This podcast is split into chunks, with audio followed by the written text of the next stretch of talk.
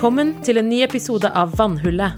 Podkasten hvor Maria Liholt og jeg, Siv Misund, funderer på hva det vil si å være melaninrik norsk afrikaner i Norge i dag.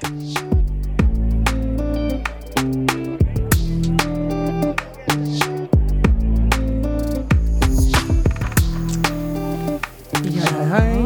Hallo. Ny uke, nye nederlag. holdt jeg på. Nå var jeg sånn Hva kommer nå? Nye muligheter. si. Ja, jeg hører at du sier det, Maria. ikke nederlag. We, don't do nederlag. We do mulighet. I don't know. I don't know. Nei, sånn, ja, Siv. Eh, sist uke var jo snassent med eh, sånn dating og snacks. Å ja, akkurat, ja. Så du skal oute meg her på podkasten? Er, det det du- er det det du holder på med? Bare går det bra, går det dårlig, nederlag? Nei, akkurat nå Opptur, så nedtur. går det bra. Akkurat nå Ja. går det bra. Det går bra om dagen. Ja, det går bra om dagen. Si. Det går bra om dagen. Så bra. Ja, Ja. Nei, jeg, nei, jeg var på middag. Det var koselig. Eh, Jeg liker når folk lager middag til meg, kan jeg si. Altså, det er liksom Ja, ja. Nå skal jeg, skal jeg si Hvis ikke dette går, så vet nestemann at man skal lage middag til deg. Ja. Nå. Så nå Next, next in line. You know. Listen. Be prepared. Ja, nei, altså, jeg, jeg har jo plukket opp masse tips og triks av Stian, jeg, så det, um, det er bare å smelle til. Jeg føler at jeg har litt mer uh, Game. litt mer game. Eh, Jeg hadde egentlig tenkt jeg skulle bare si texting game. Der, der føler jeg at jeg er litt mer oppe og nikker. ja, men jeg fikk jo en sånn melding, sånn sånn som typ Stian sendte Ja. til han duden, hvor jeg fikk eh, Hei og hå, hva gjør du nå? jeg bare Nei. Ja, altså Jeg skal jo ikke si noe annet enn at det er mye folk som er litt uheldige med Jeg skjønner at det er vanskelig, da. Jeg skjønner liksom problematikken. Jeg skjønner at det, det er ikke så lett å vite hva man skal skrive alltid, og særlig hvis man kanskje er på endte daten eller endte samtalen man liksom skal prøve å starte med en fremmed, så skjønner jeg jo at det er det er vanskelig, så jeg tenker at jeg prøver jo å cut people som slack, men det er klart eh, Man skiller seg jo ut med, med en gang man klarer å stable en setning på plass, da. Ja, det er. Kjenner jeg at uh, jeg er en sucker for setninger. Rett og slett. Hele setninger, det, altså. Der. Ja. Hele setninger. Ikke bare ord uh, satt sammen randomly, uh, men med punktum mellom, liksom. Men, men en hel setning. Det imponerer meg, rett og slett. Jeg vet ikke hva det sier om meg, eller om det kanskje bare er litt trist. jeg vet Eller ikke. sier om hvem som er på de appene. Det kan også, Ja, jeg vet ikke. også han noe å si. Eh, Nei, men ja. Så bra at det går bra om dagen. Ja, så det går bra om dagen. Ja. Hva med deg, Maria? Går det bra om dagen? Ja, nettopp. må, ikke, må ikke åpne en dør du ikke er villig til å gå gjennom sjøl, tenker jeg. sånn, da bare, da bare Vi svømmer bortover den her. Liksom. Ja, det går fint. Akkurat sånn. Ja, ja. I know. I know what's going on, Det går, det går fint om dagen. Det Mm. er hyggelig. Det kan hende det kommer en sånn sommeroppdatering. Ja. En egen sånn uh, vi, vi dropper en sånn bonusepisode, er det ikke det det heter, Maria? Sommer og sol og alt det der. Mm. pik Nei, trasse, sang, ølpike Nei, jeg vet ikke. Ja, så langt kom vi i den sangen. Ja, ja. Ja, den derre piker, øl og sang Nei, piker, vin og sang heter det. ja. Sånn. Det er det jeg skal Der var det. Der var det Tusen riktig. takk. Jeg klarte det på et 20. forsøk. Ja. Men ja, Gratulerer. bortsett fra ting går bra om dagen, noe annet har vært fint denne uken. Ja, altså, jeg var jo sammen med deg på lørdag. Um, Ja. så det var fint. Sammen med deg og Noel. eh, Hvor vi hang i solen og spiste frukt. Og nøt livet og prata skit. Det, det var jo digg.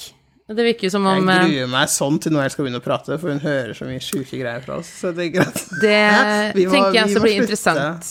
Vi må slutte med disse sammenligningene. Men ja, Ja. til nå så går det greit. Jeg tenker at vi må bare begynne å snakke engelsk. Og så lærer hun seg det etter hvert også, så det er sånn hun Ja. kommer til å plukke opp språk. Så vi må lære, vi må bare sørge for at vi ligger liksom litt foran på språkfronten. Eh, jeg jobber jo med tysken og fransken og italiensken min nå, så det er liksom bare å kjøre på, tenker jeg. Da blir det litt monolog fra deg, da, for jeg har ikke så mye å komme med på de språkene der. Du kan bare sånn oui, oui, ja, ja. Yes, yes. Je m'appelle. Yes. Baguette. Croissant. Det kan jeg si. Og jeg tenker, on the, on the French note, så tenker jeg at da kan vi jo peile oss over i ukas eh, episode, hvor vi snakker med, med Hibbo og Segen, og hvor jeg får liksom tilgang på, på din barndom. Uh, Ja, og blant annet. Marias litt sånn ambivalente forhold til Frankrike, sånn, som kanskje er annerledes enn alle andre. også. Ja, jeg, jeg liker Frankrike, men det er bare at jeg var der mye Eller jeg var der som barn, og så var det, kunne jeg ikke fransk, og så var det ikke andre barn der, og så ville jeg heller egentlig være på Hudøy eller en annen, øy i Ja, Oslo, Norge. var ikke så opptatt av den franske bagetten eller osten, du. Det, Nei, altså, det var god mat. Jeg elsker maten, men det er liksom Hvor mye skal du spise, liksom? ja. Croissant. Ja, derfor jeg kan si croissant veldig godt, fordi det Ja. veldig bra. For det, det spiste jeg mye av. Så nei, men altså, jeg Når jeg ble eldre, og jeg må si det sånn disclaimer, det er dumt hvis mamma og pappa hører på dette, og de har dratt meg med på tur hele livet mitt. Jeg var sånn, jeg hater det verste jeg på. Det var ikke det.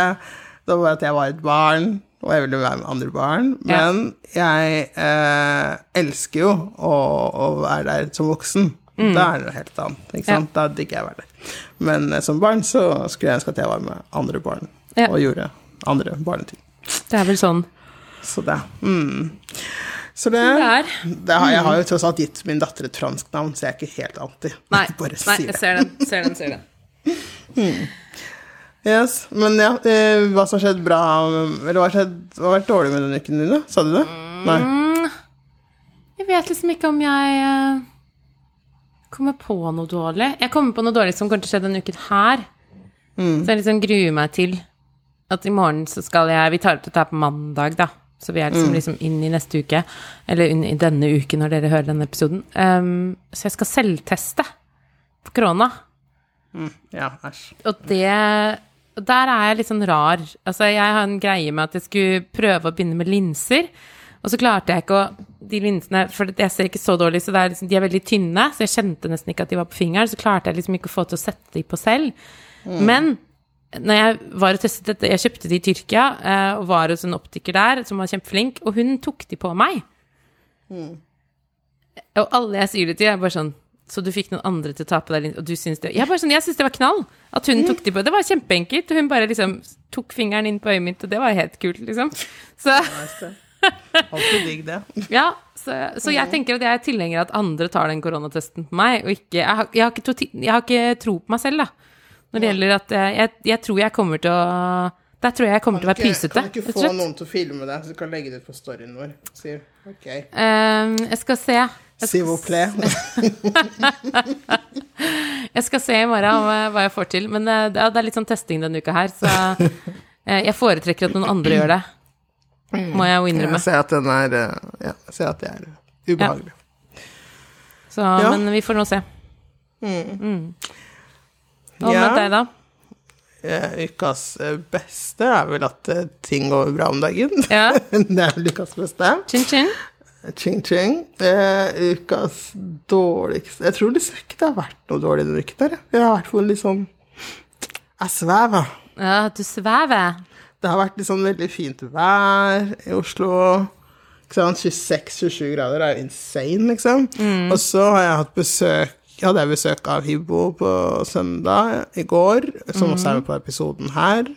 Eh, og det var hyggelig. Det er lenge siden sist. Så hadde jeg deg på lørdag. Altså, det har skjedd noe hele tiden. Så jeg føler at, eh, ja Det er liksom Det er vår og sommer og liv og røre og alt good. mulig. Yeah. It's been good.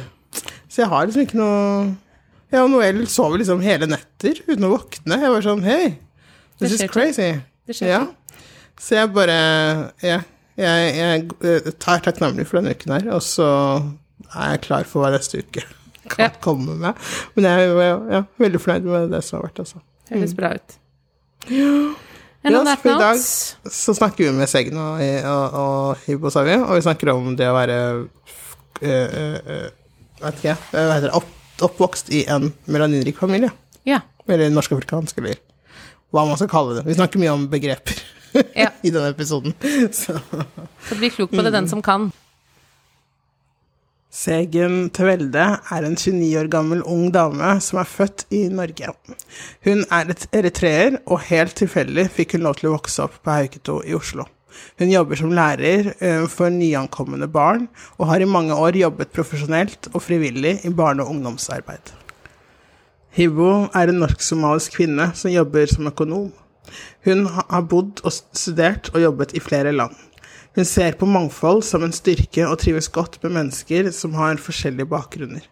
Hun tror at alle har rett til å definere seg selv, og er opptatt av at hva det vil si å være norsk, kan utvides og inkludere personer med ulik hudfarge. Velkommen til oss, Hibbo og Segen. Eh, vi er veldig spente på å få lov til å snakke med dere. I dag skal vi jo snakke om den melaninrike familien. Og det å vokse opp i en melaninrik familie. Fordi det er jo noe Maria og jeg er litt nysgjerrig på. For det har vi ikke gjort Nei. selv. Så vi tenker at eh, det gir et annet og interessant perspektiv, og dette er jo bare basert på deres opplevelser, og andre har jo andre opplevelser igjen. Um, men vi syns at det var også en viktig ting å ha med i denne sesongen når vi snakker om identitet, og hvordan det former oss, og hva det gjør med oss, å ha et hjemmeliv som kanskje ser litt annerledes ut enn det man ser ute, da, i majoritetssamfunnet, og hvordan man blir møtt, eh, hvilke erfaringer man tar med seg, eh, og hvordan det former personligheten vår. Altså, jeg tenker, vi blir jo alle formet av det miljøet vi vokser opp i, eh, og alle har ulike utfordringer, og det er ulike ting som stikker seg ut, og dere har jo også søsken som sikkert har hatt andre opplevelser enn det dere har. Um, men vi gleder oss veldig til å høre deres historier og bli bedre kjent med dere. Um, så da tenkte jeg at uh, Skal vi bare hoppe i det? Jump. Ja, let's do it. Jump, jump. Så jeg bare Jeg hopper rett uti, jeg, da. Uh, hvordan, hvordan er det? Altså, er det noe dere tenker over, at dere har vokst opp på den måten? Eller er det liksom Nei, det er bare meg og mitt liv. Jeg tror jeg kanskje tenkte mer på det da jeg var yngre. Mm. Um, for man sammenligner seg sjøl automatisk med andre, spesielt når man er barn òg. Um, og det var, er jo ting som jeg ikke har hatt muligheten til å gjøre fordi at jeg har hatt de foreldrene jeg har hatt som kommer fra Eritrea. Samtidig som at de kanskje ikke visste bedre heller, hvis vi skal være helt ærlige. De kommer til Norge og har null anelse om systemet. Alt er nytt for dem når de kommer. Mm. Eh, måten man oppdrar barn i Eritrea og hvordan man oppdrar barn i Norge, er helt forskjellig. Så utgangspunktet er bare For du, du er jo eldst, Svart-hvitt. eh, så det Du var på en måte Ja. prøvekanin. Jeg er eldst av tre jenter. Ja, Men så hadde Lillehund, som er mellomst der, liksom var Ja. ett år yngre enn meg. Så vi var ganske tett. Så vi har liksom gått gjennom alt sammen. Ja. Eh, Men et eksempel, altså et typisk eksempel er jo um, Foreldrene mine har ingen utdannelse. Kom til Norge og måtte bare kjapt i jobb fordi de har familie i Trea som de skal forsørge. De er, tilfeldigvis er begge foreldrene mine så eldst av veldig mange søsken. ja. Um, så der var det å ta mye ansvar der. Så det å f.eks. dra på ferie hver sommer, ikke sant? dra til Syden eller ha hytte eller sånne ting som kanskje er litt typisk norsk, Mm. det hadde ikke vi muligheten til. Fordi at eh, det året her så må vi spare feriepengene sånn at vi kan dra til Eritrea neste år.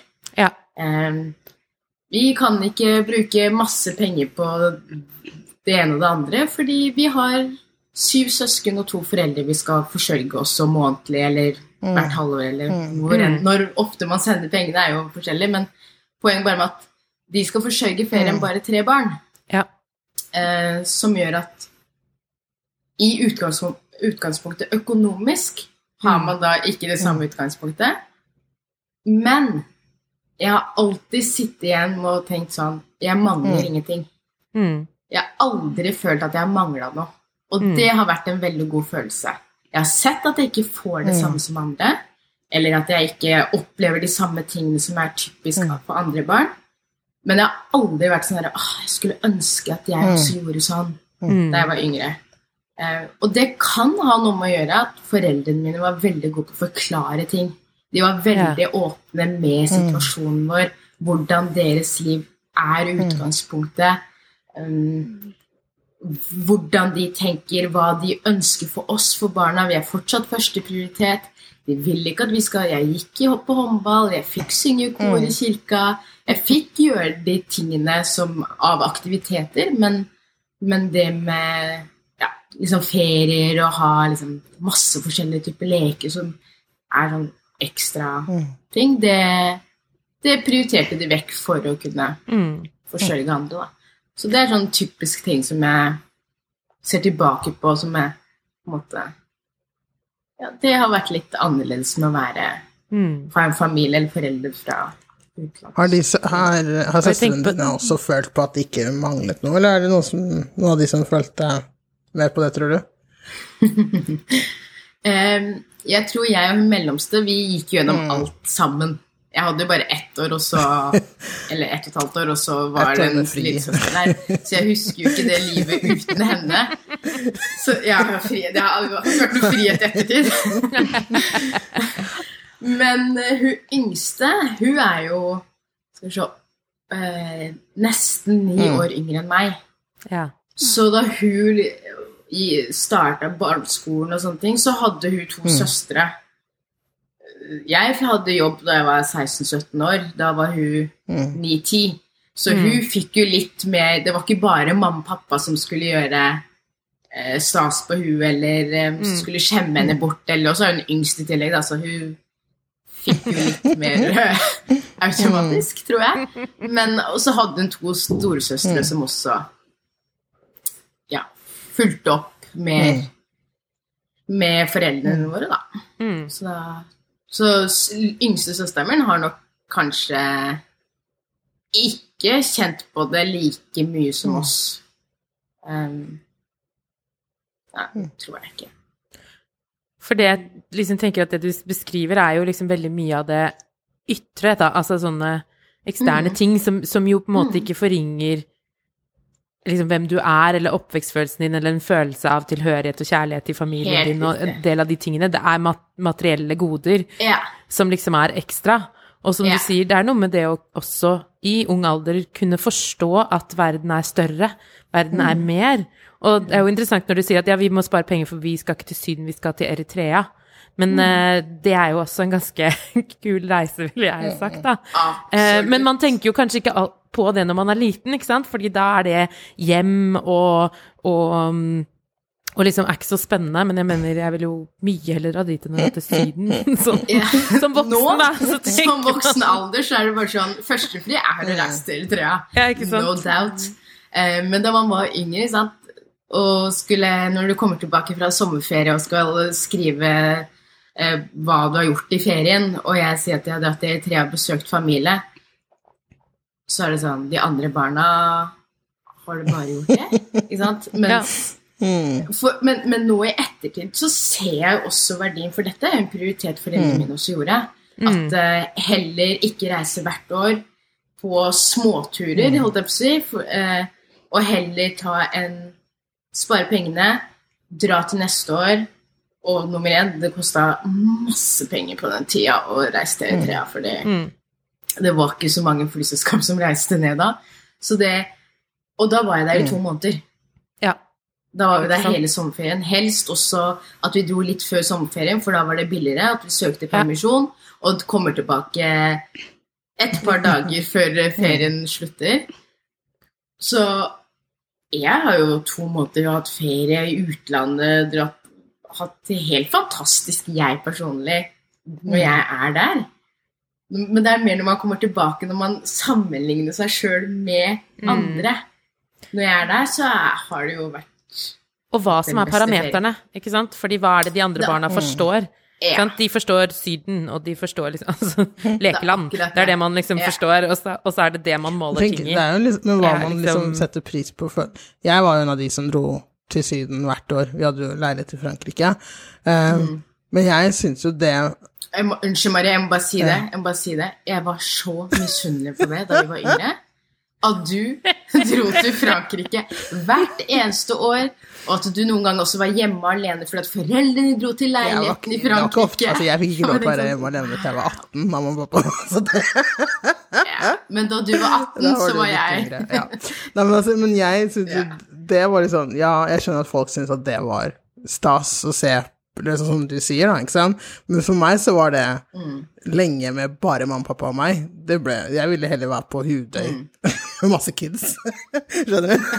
Jeg, Alltid gøy å høre Maria snakke om disse Altså, turene sånn- til Frankrike sov- og Paris og sånn, for Maria er bare sånn alle de «Ah, Jeg sov hele fram, fra vi dro fra Oslo til jeg var fremme. Da sov jeg hele turen. Og så var jeg våken der. Så jeg måtte være våken når vi var i Frankrike, da. Men, men jeg Altså, jeg var så sjalu på de som var på Hudøy. Jeg var sånn, Det hørtes gøy ut. Ikke sant? Og Hudøy var Hudøy var en leir, eller? Ja, det var leir, leirsted ved Tønsberg-området. Der syns jeg hørtes gøy ut å være. Ja. Ikke sant? Så, Det var liksom Marias um, jeg elsker leir. forjettede Så jeg land. tenker det er så veldig forskjellig hva man Selv om man har det man kanskje tenker at alle andre vil ha, så ønsker man Ja, for jeg ønsket eh, noe annet enn mange somre. Så de somrene vi måtte være hjemme, eller var hjemme, var beste somrene mine. Når jeg ikke dro noe sted. så det er forskjellig. Hva med deg, Hibbo? Hva var din sommerdrøm? Nei, min sommerdrøm eh, var jo Syden, da. Som Ja. veldig mange andre. Eh, Jeg kjenner meg igjen. Jeg fikk heller ikke dra til Syden, kan jeg melde. Det var også en eh, stor lidelse og et tap. Ja, det var sånn vi gjorde av og til, men det var ikke hvert år, sånn som mm. Maria og, og mange hadde det da. Eh, Også hytta. Hytta var også en sånn greie som bare eh, var litt sånn derre eh, fjernt. Eh, ja. Og spennende. Mm. Så Nei, men jeg, jeg kjenner meg igjen i noe av det Segen eh, snakker om. Og så er det andre ting der hvor jeg på en måte Jeg tenkte ikke noe særlig over da jeg var yngre, Mm. at jeg på en måte hadde en flerkulturell oppvekst. Fordi Ja. Du har jo bare på en måte en Mm. oppvekst. Det er det Mm. du kjenner. Ja, ja. Um, så, så, så jeg tenkte sjelden at det som liksom foregikk hjemme hos oss, var annerledes enn det som foregikk hjemme hos Mm. andre. Eh, og det var på en måte uh, Ja, bare den oppveksten som jeg kjente. Så jeg, jeg tenkte egentlig veldig lite over at eh, vi på en måte hadde en annen kulturell bakgrunn. Og, og, og vi var ikke sånn i Somaliland på Mm. sommeren. Eh, og det var av og til at foreldrene mine reiste. Men da var gjerne en um, igjen hjemme med oss, og så uh, reiste den andre. Så ja, jeg er jo 33 i dag og har aldri vært i Somaliland, f.eks. Mm. Så, så jeg har liksom ikke det forholdet til foreldrene mine sitt hjemland som Segen har, da, som har vært der hver sommer eller annenhver sommer og vært der to måneder av gangen og sikkert kjenner hele storfamilien og, og sånn. Um, så jeg tenkte veldig lite over det når jeg var yngre. At jeg var Mm. liksom annerledes eller hadde en annen Mm. bakgrunn. For du er nummer fire i søsken av fem? Stemmer. Ja. ja. Fire av fem. Har du vet om storesøstrene dine har hatt noe annet som Eller har dere snakket noe om det, liksom? Nei, vi har ikke snakket så mye om det, men, eh, men eh, de har kanskje hatt noen litt andre opplevelser. Jeg vet at de har gått på sånn somaliskole, blant annet. I tillegg til, eh, til vanlig skole så har de hatt sånn somaliundervisning på kveldstid. Eh, og det har ikke jeg hatt, og ikke broren min som er yngre, og ikke hun søsteren som er eldre. Men de to eldste har hatt det, f.eks. Um, så de har jo hatt litt andre erfaringer, men samtidig så, så er jo de en del eldre enn meg og vokst opp eh, tidligere der hvor det var enda færre Mm. somalere Mm. enn det er i dag. Så de var typ seks stykker da, i klassen deres på somaliundervisning. Ja. Så en litt annen tid, liksom. Ja. For det er jo noe med det også, at man da kanskje, når man er færre og ikke føler den følelsen av et miljø, så blir man mer opptatt av å skape seg det miljøet, enn når man begynner å se at ja, det er flere Ja, da møtes man, kanskje man får flere treffpunkter, da. Man ikke trenger det ene stedet lenger på samme måten. Jeg vet ikke. Ja, absolutt, det tror jeg. Mm. Det var mye sånn id-fester før, eh, velferdsforening. Det var mye som skjedde når det var færre somaliere i Oslo. Mm. um, enn det kanskje er i dag. Eller så er det mer sånn fragmentert i dag, da, for det er flere, og det er mange miljøer. Så da finner man flere spredt litt utover istedenfor en stor homogen. Ja. Og det tenker jeg er naturlig. Man er flere. Da kan man bryte litt vekk og finne kanskje sine folk, da. Det er ikke nødvendigvis at man Mm. liker Sant, hverandre og selv om liksom- man kommer fra samme land, liksom. Eh, Nei, det kan jeg jo bare skrive under på med en Det er ikke gang. sånn at alle nordmenn eh, går rundt og digger Skal ikke jeg Altså, jeg er en sånn som, som later som jeg ikke kan norsk når jeg er ute og reiser. Det må jeg bare innrømme med en gang. Altså, glatt bare går videre. Jeg er ikke sånn 'Å, så hyggelig'. Jeg bare 'keep on walking'. Like, keep, keep walking. Og det som redder meg, er jo at liksom, jeg høres jo amerikansk ut. Um, så da kan jeg bare late som jeg er amerikansk. Eh, ikke at det er spesielt bedre, for vi vil jo ikke snakke med amerikanere heller. Men um, Så der har jeg et problem med mine, mine to nasjonaliteter som bare Stay away from me. Kanskje jeg må gå og henge med nigerianerne. Det er det jeg må gjøre. They are my saviors. Jeg bare Nei! Jeg er usikker, usikker. Men kan jeg spørre dere om ting? Ja. Um, um, fordi, så som Eller nå vet jeg ikke med deg, da, Siv. Mm. Kan bruke Maria fordi at både Hib Det er jo litt gøy, da. Både Hibbo, Maria og jeg har vokst opp på samme sted, på Haugstå. Um, men Maria, du som da hadde etnisk norske foreldre som du vokste opp med, følte du noe var annerledes, eller For nå kjente du Hippo fra dere var små, du har kjent meg i mange år. Så du noe Eller kjente du på noe, eller tenkte du over noe med tanke på at vi har er, er fra et annet sted, eller at vi har en annen bakgrunn? Ja, det eh, bildet som kommer i hodet mitt, er Jeg husker at eh, det å liksom være hjemme hos Hibbo og jeg husker vi spiste mye spagetti når vi var hos deg. og det var sånn, det spiste vi hjemme også, det var noe, det var ikke noe annerledes, liksom. Eh, Det var at, eh, ikke sant, hos Hippo så var det mange flere eh, mennesker. Eh, Jeg har jo masse søsken, men de er veldig mye eldre enn meg, så det var jo Vi var veldig få hjemme hos meg, da, i forhold til hos Hippo. Men ellers så kan jeg ikke huske at jeg liksom tenkte noe på at her, dette er et somalisk hjem, liksom. Det var ikke noe sånt. Eller når vi var hos en andre i klassen som har- hadde pakistanske foreldre, eller Så, så var det ikke noe sånn. Men eh, ja, sånn som Hibo sa, at det, det er sånn det er det man er, har, da, på en måte. Eh, så jeg tror ikke at det er liksom men, men jeg er veldig det jeg tenker på sånn, med tanke med denne episoden her, så tenk på det å være oppvokst på Hauketo, hvor berikende det er, da, å få vært i alle disse hjemmene.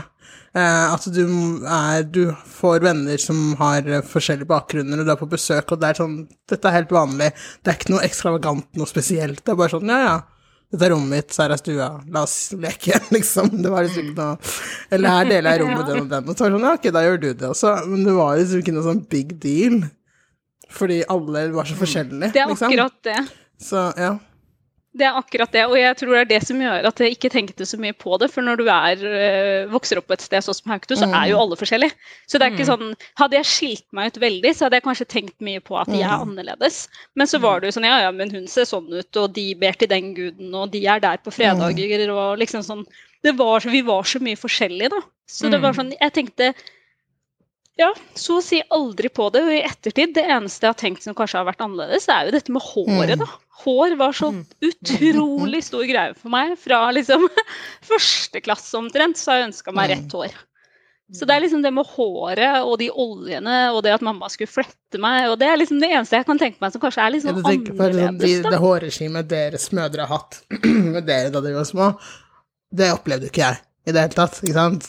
Det Sånn, Nei, det å være Nei. sånn sett, Det er vel stor, største forskjellen med å være svart i kvinne eh, og i et hvitt hjem, på en måte, eller jente, da. Eh, at eh, eh, det var ikke noe sånn Vi hadde ikke noen rutiner, kveldsrutiner, eller Det var liksom ikke noe Det var ikke noe kunnskap, det var ikke noe sånn eh, mor-datter-tid, sånn som jeg kan se for meg at eh, dere hadde, da. Så det kan, men det visste jeg ikke noe om da vi var små. For jeg var jo ikke der da dere hadde hårrutinene deres, liksom. Så det vil jeg ikke sett. Men det har jeg skjønt i ettertid at uh... Det er, det er seriøse greier. Mm. Hårrutiner Jeg vet ikke med moren din, Hibbo, men mamma tok det ekstremt seriøst. Der var det at du skulle gå med bustete fletter til barnehagen, det var sånn helt uaktuelt. Da, om, du, om jeg så hadde sovna Hun tok meg med på sofaen, la meg på fang, hodet var på fanget, og hun fletta den ene siden først, snudde meg og fletta den andre siden. An altså, det var Og sånn er det egentlig til den dag i dag, hvis jeg ikke har god nok tid til å stelle håret mitt før jeg møter mamma, så er det sånn Hei, det er håret ditt. Det var sånn er moren min nå! Sånn er moren min nå! Det er alltid vokst opp med bare hår og negler. Det må være på plass. Du trenger ikke sminke, du trenger ikke noen ting. Hår og negler må være på plass. Da trenger du ikke noen ting annet. Ja. Og jeg sitter igjen med den nå også, liksom. Det er det. Vet du hva, Det er så morsomt. Sånn er moren min nå, og hun bruker hijab. Og jeg bare 'Mamma, hva er det med deg og dette håret?' Og hun bare 'Håret ditt ser ikke ut i dag, altså'. Ja, det er gøy. Men det er jo Jeg er så opptatt av det håret. Men jeg syns det, liksom, det er noe du, eh, som er 100 naturlig, Mm. som vi også kan gjøre noe med. Skjønner du litt hva jeg mener? At Ja, ja. huden vår, den er som den er. Vi er født med den. Det er ikke noe vi skal endre på det, med mindre du Ja, jeg vet ikke hva. Men Mm. håret ditt kan du dulle med. Du kan det. Du kan bli, være stolt over det håret du har. Og vi er såpass heldige at vi kan faktisk variere ekstremt mye med håret vårt. Og spesielt mamma ville vise meg det da jeg var yngre. sånn hva slags type fletter. Var både rasta, liksom ulike typer fletter. Jeg kunne ha to, jeg kunne ha inntil hodebunnen. Altså det var så mye forskjellig. Og jeg husker Og det er greit at vi fortsetter litt med prate om vår, hår. Jeg husker da jeg gikk i syvende klasse og var så lei av at mamma skulle flette. Da mamma fletta meg i alle år frem til jeg gikk i syvende. Og så ah, har vi en viss familie som vi kjenner, da, som jeg ser at hun eh, Døtteren hennes har begynt med Hva heter det? Relaxer. Sånn eh, relaxer. Og jeg bare Ferdig. Jeg skal ha relaxer. Så jeg klarte å overtale denne dama til at vi skulle ha relaxer. Hun sa bare ja, det er greit, jeg kan gjøre det. Jeg dro hjem til mamma og sa mamma, hun og hun skal gjøre det. Jeg hadde alle avtalt dato, vi kjøper det. Og mamma nekta meg. Hun nekta meg. Jeg har jobba i alle disse årene for at jeg skal ha lengde på håret, at jeg skal ha et sunt hår. Vær så snill, vær så snill. Jeg bare sånn, nei, det her er uaktuelt. Du har fått alle disse årene, nå er det min tur til å bestemme over håret mitt. Og så fikk vi det til, da. Og jeg klarte å overta- Og jeg bare husker at mamma liksom Tårene var der da vi tok på den relaxeren. Og jeg gikk jo, hadde jo det dumt som jeg var i altfor mange år. Det ble helt ødelagt hår og alt. Og nå i ettertid så ble jeg sånn Jeg skjønner så godt hva mamma Jeg kommer aldri til å la ungene mine gjøre det mens jeg ser på. Det skjer ikke. Så det er noen ting også som på en måte da man var yngre, tenkte sånn Åh, jeg skal ikke gjøre sånn som mamma oppdrar oss. Jeg skal ikke holde på sånn. Og nå når jeg har blitt voksen, så er det sånn I got you, mamma. Jeg skjønner akkurat hva du Men det er eh, Jeg, jeg la jo Noel gå litt bustete med fletter, fordi jeg, jeg orker ikke noe annet. Men, uh, men jeg merker at hun er veldig ikke sant? Barn liker jo ikke at du blir dratt i hodebunnen, det er ikke godt uansett. Men når jeg på en måte er blitt, fått lov til å bli ferdig med en jeg har gjort ferdig brytekampen og blitt ferdig med en frisyre, liksom. Så syns hun at hun er veldig fin, for da står hun foran speilet og er litt sånn så, så fin jeg er, liksom.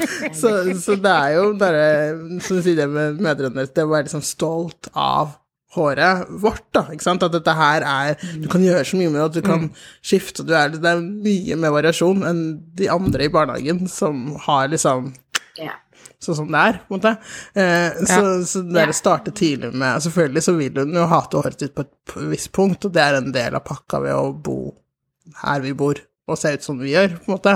Ja, og så må ja, ja. man igjennom det, og kanskje vil hun lure seg til en relaxer, men så vil hun lære etter igjen, da, tenker jeg. Det er jo en del av reisen.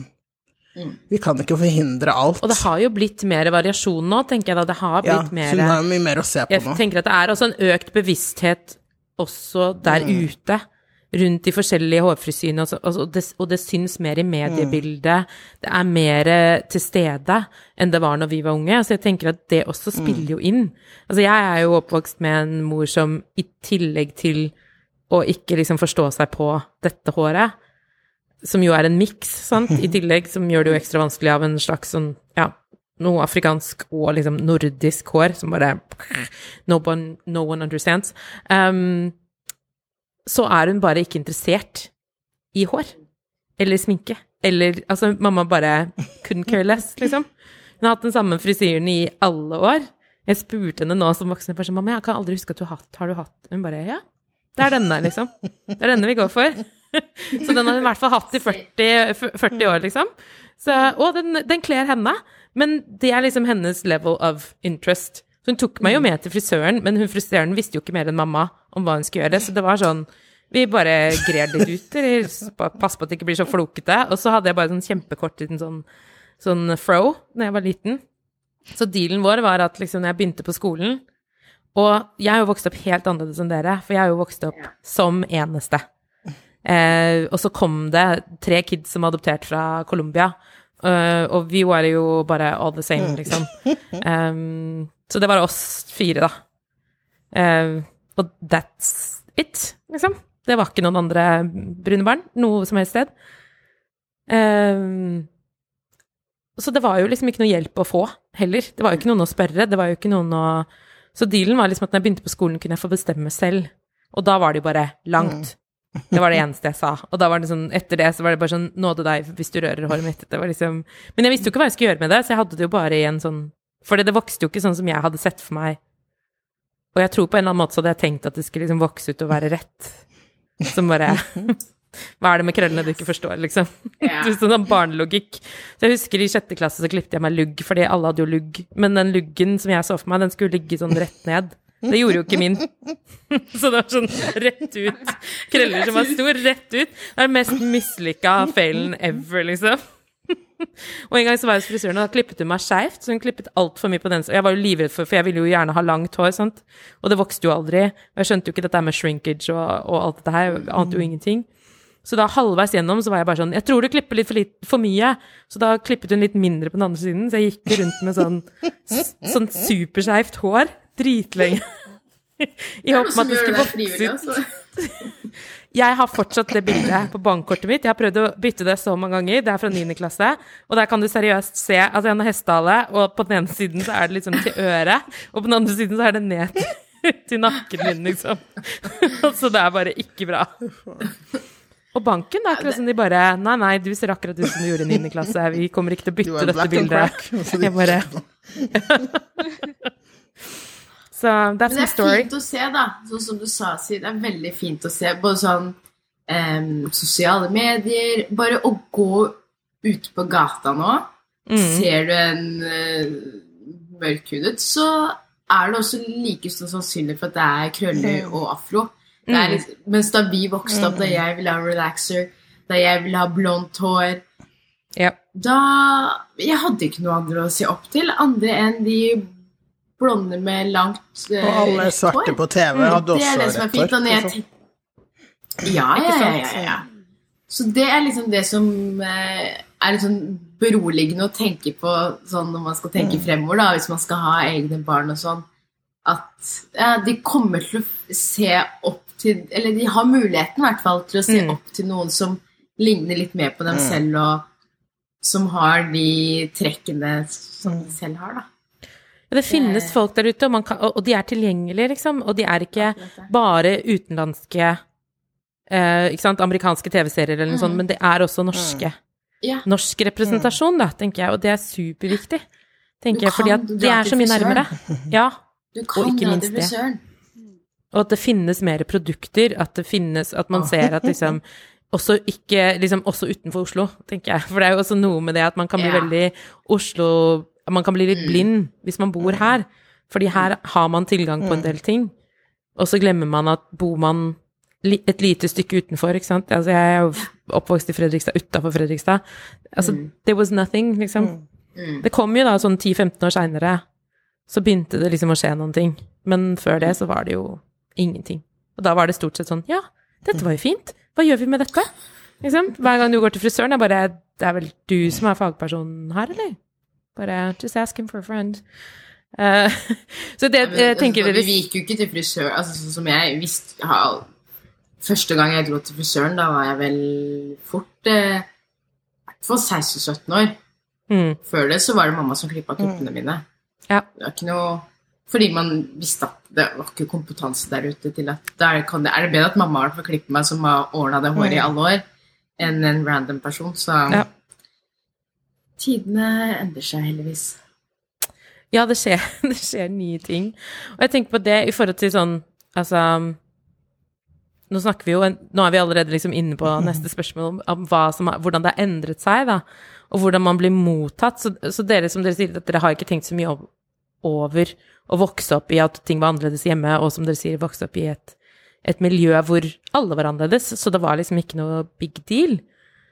Men kan dere huske selv når det på en måte Tenker dere da at det har skjedd i voksen alder, at dere har fått en annen bevissthet rundt eh, forholdet til majoritetssamfunnet, det å være flerkulturell? Hvordan har dere det med dere i dag som dere tenker er annerledes enn kanskje hvordan det var som barn, da? Ja, jeg husker eh, et veldig sånn tydelig skille der eh, rundt kanskje slutten av ungdomsskolen da jeg begynte på videregående. Mm. Eh, altså, ja, mine foreldre er jo fra Somalia, og, og, og somaliere i Norge var ikke en veldig stor gruppe eh, da jeg vokste opp eh, og gikk på barneskolen. Vi var vel to stykker på barneskolen og tre på ungdomsskolen, tror jeg. Eh, men så brøt krigen ut i Somalia i begynnelsen av 90-tallet, og det kom veldig mange somaliere på et tidspunkt. Mm. Eh, og så begynte det å komme en del i media.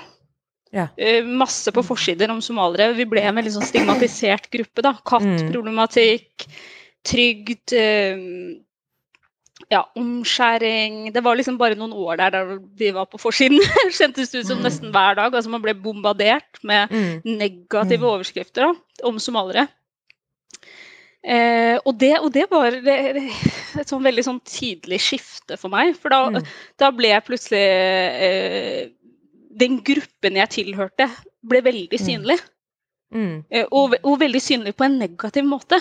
Mm. Eh, så, så Nei, det var helt klart et skifte for meg. Jeg husker da jeg gikk eksempel på barneskolen, så var jeg jo på en måte eh, eksotisk og annerledes, men på en positiv måte, da. Mm. Eh, og det, det kan jo også være negativt, at man på en måte blir eh, eksotifisert, eller altså sånn sett på som eh, som noe veldig spennende og rart, men, men, men det var på en litt sånn fin måte, da. Det Mm. var mye toleranse, og det var sånn Kan ikke du tegne det somaliske flagget for oss nå? Mm. eh, og liksom så synge den somaliske nasjonalsangen på FN-dagen, og det var mye sånn hyggelig nysgjerrighet rundt det, da.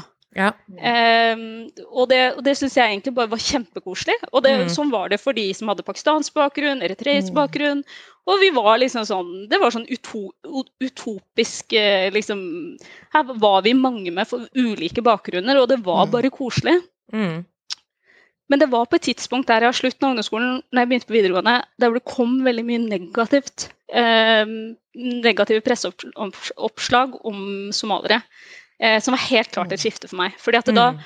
så jeg også på en måte eh, en annen side av nordmenn, nesten. Jeg vet ikke Mm. hvordan jeg kan si det, men jeg, det, det, det ble liksom sånn derre Ja, den gruppen jeg tilhørte, ble nå sett på som noe veldig negativt. da.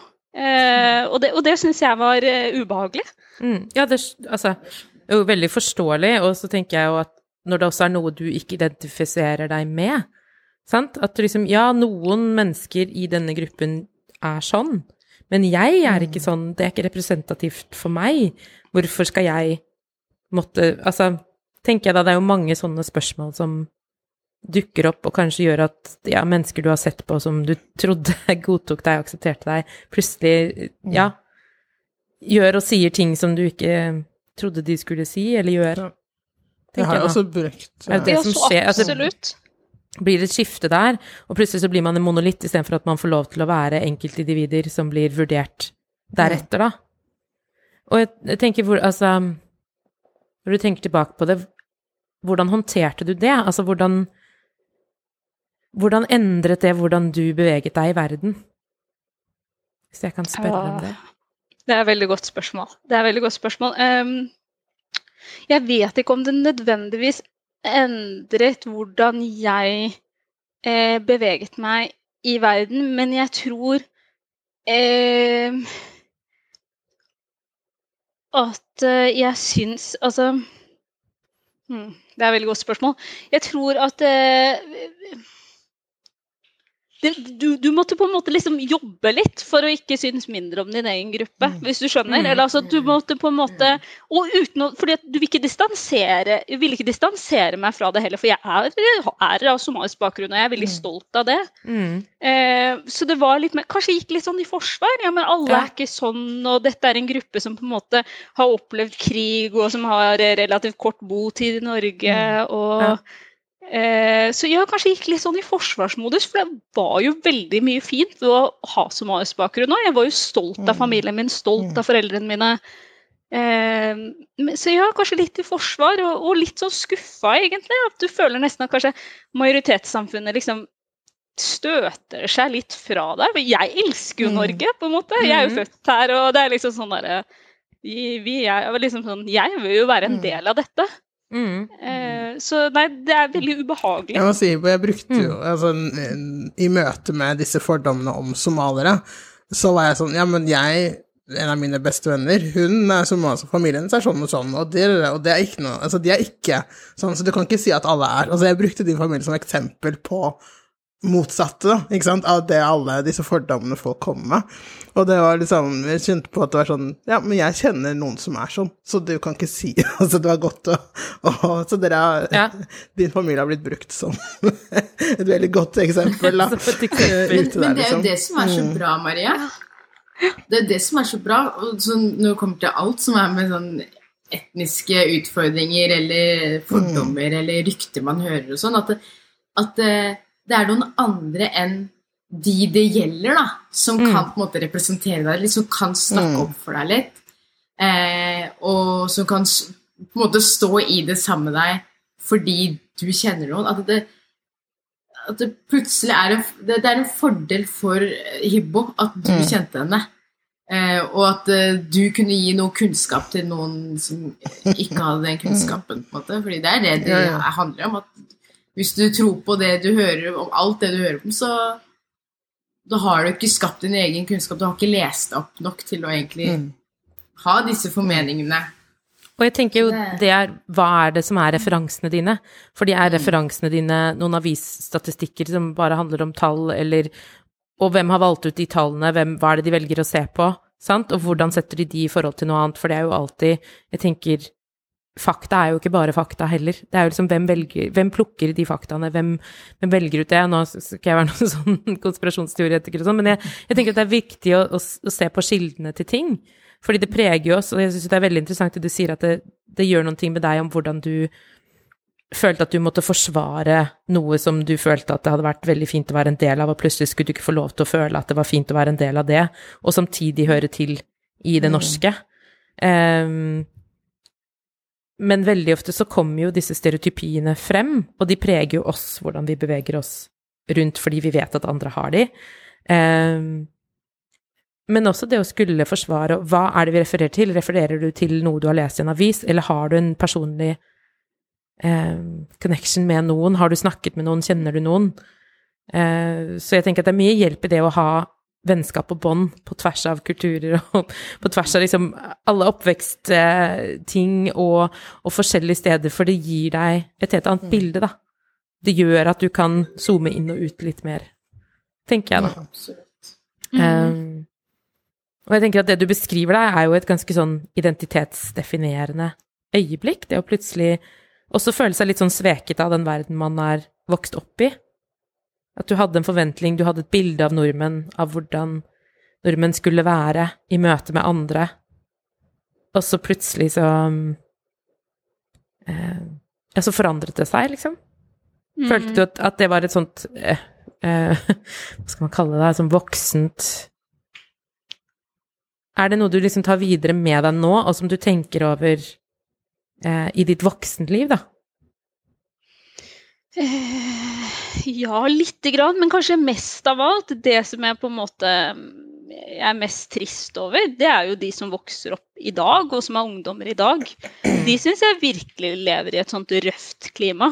Ja. Eh, og, og liksom det offentlige ordskiftet og hva politikere tillater seg selv å si om innvandring. Og nei, Mm. jeg, jeg syns ikke det er greit. Og jeg, jeg, altså hjertet mitt blør for dem, holdt jeg på å si. For jeg tror at det, det du gjør, er at du skaper virkelig store forskjeller innad i dette landet her, da.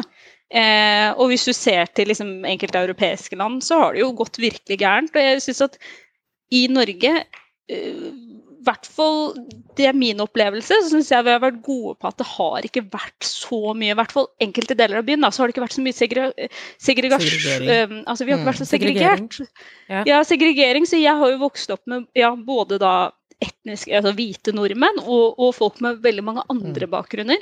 Mm. Eh, men nå så er jeg redd for at vi, vi har gått inn i en tid, og vi går inn i en tid der hvor det er mye mer segregering.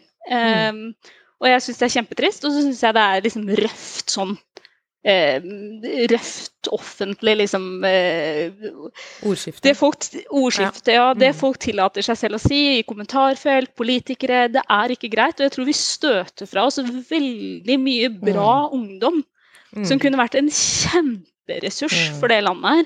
Så jeg merker at jeg, ja, jeg blir både lei meg og provosert av det. Fordi Mm. at eh, vi er i ferd med å skape sånn også dem-Norge, altså. Og det Mm. er, eh, det er kjempefarlig. Så det, det er kanskje liksom ja, nå har jeg blitt såpass gammel at man blir jo tryggere på seg selv etter hvert som man blir eldre. Mm. Så nå er det liksom, ja, for de som vokser opp i dag, jeg, jeg er mest eh, ja, irritert for, da.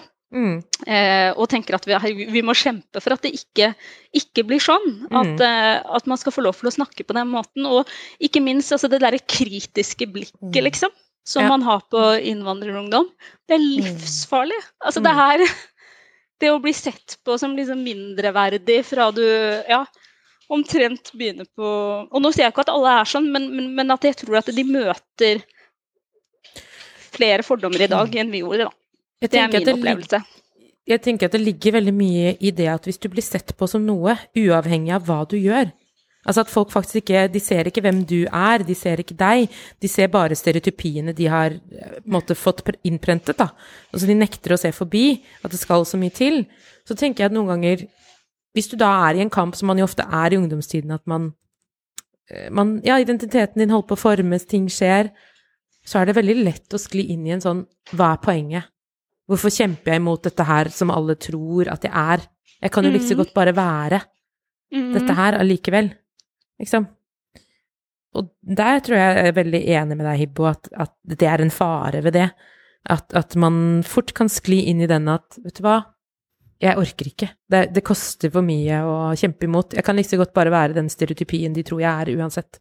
For de kommer til å behandle meg deretter. Sånn uansett hva jeg gjør, da. Uansett hvor mye bra jeg gjør, så, så er det liksom aldri nok. Og det er den tror jeg skummelt, da. Det er veldig skummelt. For hvor ender vi da? Ikke bare dagens ungdom, men om 10-15-20 år. Alle sammen. Ja, ja. Det er, er krise for samfunnet vårt, rett og slett. Ja. Ja. Og man, Og jeg tenker at det, det krever jo en styrke, da, men så ser man jo også med ungdom, så er det jo alt som skal til, er én person, ofte. Altså sånn Hvis du hører liksom folk som har veldig ja, traumatiske Altså det er jo utrolig hva Folk er så motstandsdyktige noen ganger at det er helt sinnssykt hva folk tåler, hva folk orker. Eh, og ofte så trenger man bare den ene personen. Man trenger det ene forbildet, den ene personen som, som ser deg, da. Som tar tak, som sier 'ja, men jeg ser'. Jeg Mm. velger å stå i dette med deg. Jeg velger å Og jeg tenker at det Jeg tenker at vi alle kollektivt da må, må kjenne på ta, Prøve å ta det ansvaret. Mm. Em, og løfte blikket litt rundt oss og kanskje ikke være så travle alltid, men eh, Altså, den podkasten her er jo et forsøk på å på en måte i hvert fall si at vi er flere, og ha disse samtalene, i hvert fall. Og håper jo at folk hører på og har de samtalene i sine vennegrupper utover det som skjer her, liksom. Eh, og så tenker jeg at det er mange sånne små initiativer, så jeg ser jo det også, at det skjer jo noen ting med en, en slags bevissthet også som blir vekket i oss, da. Eh, Jeg, kom men jeg tror jo dette med Jeg kom på en sånn Ja, ting. Maria? Sånn, ikke sant, for eh, Hibbo med sin somaliske bakgrunn, eh, som ikke sant, som sier at den gruppen har fått veldig mye eh, hets, da, ikke sant? Mens med Segen, når det kommer til eritreere, de blir sett på som verdenslys, om du får si, sånn i forhold til, i forhold til somaliere. Altså, det er sånn, eritre, alle sånne eritreere, de er bare de, Hvis man skulle Men du må tenke på det. Um, Det er jo en da, da jeg vokste opp, så var det eh, ikke så mange eritreere Jo, ok, jeg, jeg kan bare snakke for Oslo, men sånn generelt, hvis ikke det var så mange i Oslo, så er det, ja, så er det ikke så mye ja. andre steder òg. og typ mine foreldre Foreldre, foreldre Min generasjon, altså foreldrene min generasjon kjent, Alle kjente alle. Sant? Og den der perioden hvor det kom ganske mange eritreere, det var nå etter 2010. Sant? Ja. Så eh, Og da har jo mange av de som kom Altså som faren min som kom på slutten av 70-tallet.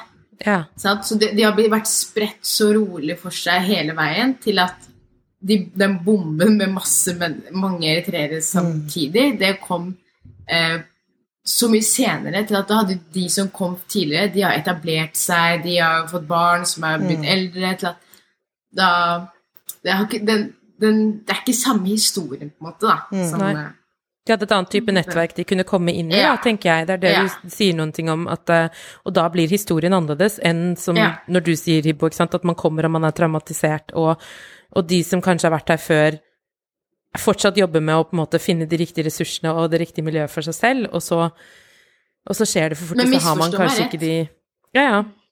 det, altså, de kom jo til Norge av en grunn. Sant? Det har jo vært mye i trea opp gjennom historien som gjør at eh, det er helt utrolig at eh, det har gått så bra med mange som det har gått i med tanke på krig og all elendighet som har skjedd tidligere. Så Men jeg tenker at eh, liksom Jeg vet ikke. Jeg, vet, jeg tror det bare er tenker at Ola Nordmann, eller gjengse nordmann, da, eh, gjør det veldig enkelt i hodet sitt at ikke sant, eritreere eh, eh, som gruppe, de gjør det bra, ergo er de som gruppe bedre mennesker enn Skjønner du? Enn for at somaliere, det er så masse bråk, så somaliere, de holder oss Altså, det er så enkle sånne fortellinger da, som blir fortalt i samfunnet vårt, og så, men som vi snakker om at det handler jo bare om tilfeldigheter, egentlig, og hvem som, hvem som var der til hvilken tid, og hvem som dannet allianser eller vennskap, eller ikke sant? At det er så mye mer nyansert og komplisert, da. Men det er jo den historien, jeg føler den veldig enkle historien, som blir fortalt til storsamfunnet. Er det Ja, eller er jeg helt ute da? Nei, altså jeg tenker jo at de enkle historiene som blir fortalt Altså de er veldig enkle, de historiene som blir fortalt Altså enkel punktum, tenker jeg. Man, man lager et veldig enkelt bilde fordi det er enkelt å skrive om. fordi hvis man faktisk skulle liksom gå i dybden, se nærmere på, eh, analysere for Altså, det er ikke liksom Ja, de har ikke solgt aviser, da, tenker jeg. Altså det henger jo liksom sammen med Men jeg vet, jeg, vet, nå må vi også passe på at vi ikke snakker sånn eh, Det blir veldig generelt, ikke sant? mm, Eh, men, og nå skal ikke jeg snakke for somaliere, for det veit jeg egentlig ikke så mye om, men sånn eritreere eh, Den type mentalitet eritreere har òg, fordi man har, har vært i en La meg bruke foreldrene mine som eksempel, da, eller pappa. Um, han måtte rett i arbeid så fort han landa i Norge. Han har ikke gått på noen norskskole eller noen ting. Her var det kjapt komme i jobb og virkelig liksom gjøre en innsats her nå. Når han kom til Norge, så vet ikke jeg hva mentaliteten hans var med tanke på skulle han bli her for alltid, eller var det bare til ting roa seg ned i treet, og så fikk mm. tilbake igjen? Eller hva utgangspunktet var for å ende opp her i Norge, sånn in the long term. Eh, men det var utgangspunktet til så å si alle eritreerne som kom eh, før 2010, da, la oss si det da jeg var ung, liksom, er jo at du må rett i arbeid, du skal forsørge familien, du skal det. Eh, så man la kanskje ikke så mye merke til eritreerne heller, fordi man i hvert fall eritreerne gjorde det samme som det etnisk norske gjorde. Altså jobba. Så de fikk jo ikke Hva er det de skulle skrevet så mye om er- eritreere? Og jeg, jeg tror også litt innerst inne at sånn som med somaliere du vet, du vet når man har hengt seg opp i én ting, så bare fokuserer man på det hele veien. Da man bare Man har starta med en Og så skal bare ryktet balle på seg. Det er litt sånn jeg føler med somaliere, at det er sånn unødvendig sånn herre um, Du blir ettergått i sømmene, da, alltid. Og man leter Ja. etter Ja. den feilen. Altså man, og så tror man at man finner det man ser etter, på, fordi man bare graver dypt nok, Det er det. liksom. Du bare graver Ja. dypere og dypere. Og så er du ikke villig til å se alle de andre. Du er ikke villig til å se Ja. alle de andre somalierne som er der ute, som gjør masse bra, men de er, du ikke, de er ikke så interessante, de. Ja, liksom. Så de bare sjusjer du videre, på en måte. Og så tenker at Og det er jo også liksom typisk, tenker jeg da, og så er det jo i hvilken grad Ola Nordmann skiller på somaliere og eritreere, eller bare You all look the same to me. Sant? Altså, sorry, ass, men eh, em, jeg tenkte at i en lineup så er jeg ikke så sikker, jeg holder ikke en knapp på Ola Nordmann og kan liksom identify, liksom. uh, og da tenker jeg at da blir det jo liksom veldig enkelt. Man bare uh, Og man gjør det enkelt for seg selv fordi det er enkelt å forholde seg til. For alt det andre blir komplekst, og da måtte jeg jo kanskje se deg som et helt menneske. Med masse historier og erfaringer. Eh, og da kunne jo ikke denne saken her bare bli cut and dry, og jeg kunne bare løst den, og så slipper jeg å tenke mer på den, på en måte. For hvis jeg faktisk måtte ta inn at det er masse somaliere som eh, eh, gjør det bra, tar høyere utdannelse, altså gjør masse fine ting. For jeg føler at det er jo mine erfaringer. Så hvis jeg skal ta utgangspunkt i liksom, de folka jeg kjenner, så er jo ingen av de mediehistoriene sanne i det hele tatt, liksom. Så det er bare sånn, ja ja, it's not true, it's just fake news. Sant? Um, Men så er det, det er selvfølgelig noen tilfeller, da. Det er jo noen tilfeller Ja, ja, men- av det. ikke sant, men det er det samme ikke som- majoriteten av somalierne, eller det er ikke majoriteten av eritreerne eller et annet land. Nei, ikke sant? Og det er noe med at det er ikke majoriteten, det er ikke de fleste. Ja. Men det er den historien vi har laget her fordi at den passer oss, på en måte. Vi er komfortable med den, da, tenker jeg. Um. Jeg er helt enig. Jeg tror at det også er, variasjonen på en måte blir ikke så interessant når du har eh, u- undersøkt en gruppe på en viss måte, da. Eller, Mm. eller gått etter de i sømmene på en viss måte. Um, så ja, Det skrives jo positive ting om somaliere òg, sånn som det gjør om andre grupper, men, men, men um, det har vært uh, i overkant negativt. Mm. eh, og ja, litt variasjon hadde ikke skadet, på en måte. Altså, det, er, eh, det er veldig mye forskjellig blant somaliere. ja, Eh, og, Som med og alle som mennesker. Sier, tenker jeg. som alle, som alle grupper. Og man kunne altså liksom hengt seg opp i, i norske trygde... Ja, ja. Altså, ja, trygde, man gjør ikke det, så. Jepp. ja. Så ja, jeg tenker at det er jo veldig gode poeng du har der. Og det er liksom, jeg tenker at det er jo en del av de tingene vi snakker om rundt identitet. Altså hvem får lov til å være enkeltindivid?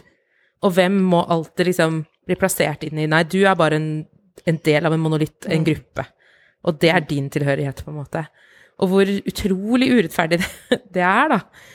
At eh, Og det å måtte kjempe mot det i tillegg til alle de andre tingene som er vanskelig når man ja, jobbe med identiteten sin og um, And on that note så tenker jeg liksom eh, Segen, har du noen sånne ident... Altså opplevelser som du kan huske på som var definerende for deg? Og det trenger ikke å handle om at du var flerkulturell, men, men liksom som du føler at har vært definerende for deg, da, som person? Jeg tror jeg, jeg kommer liksom ikke på noe sånn eh, noe spesifikt. Og det kan ha noe med at jeg eh, var ganske trygg i min identitet. Og jeg har alltid sagt når folk har spurt meg hvor er du fra, jeg er eritreer.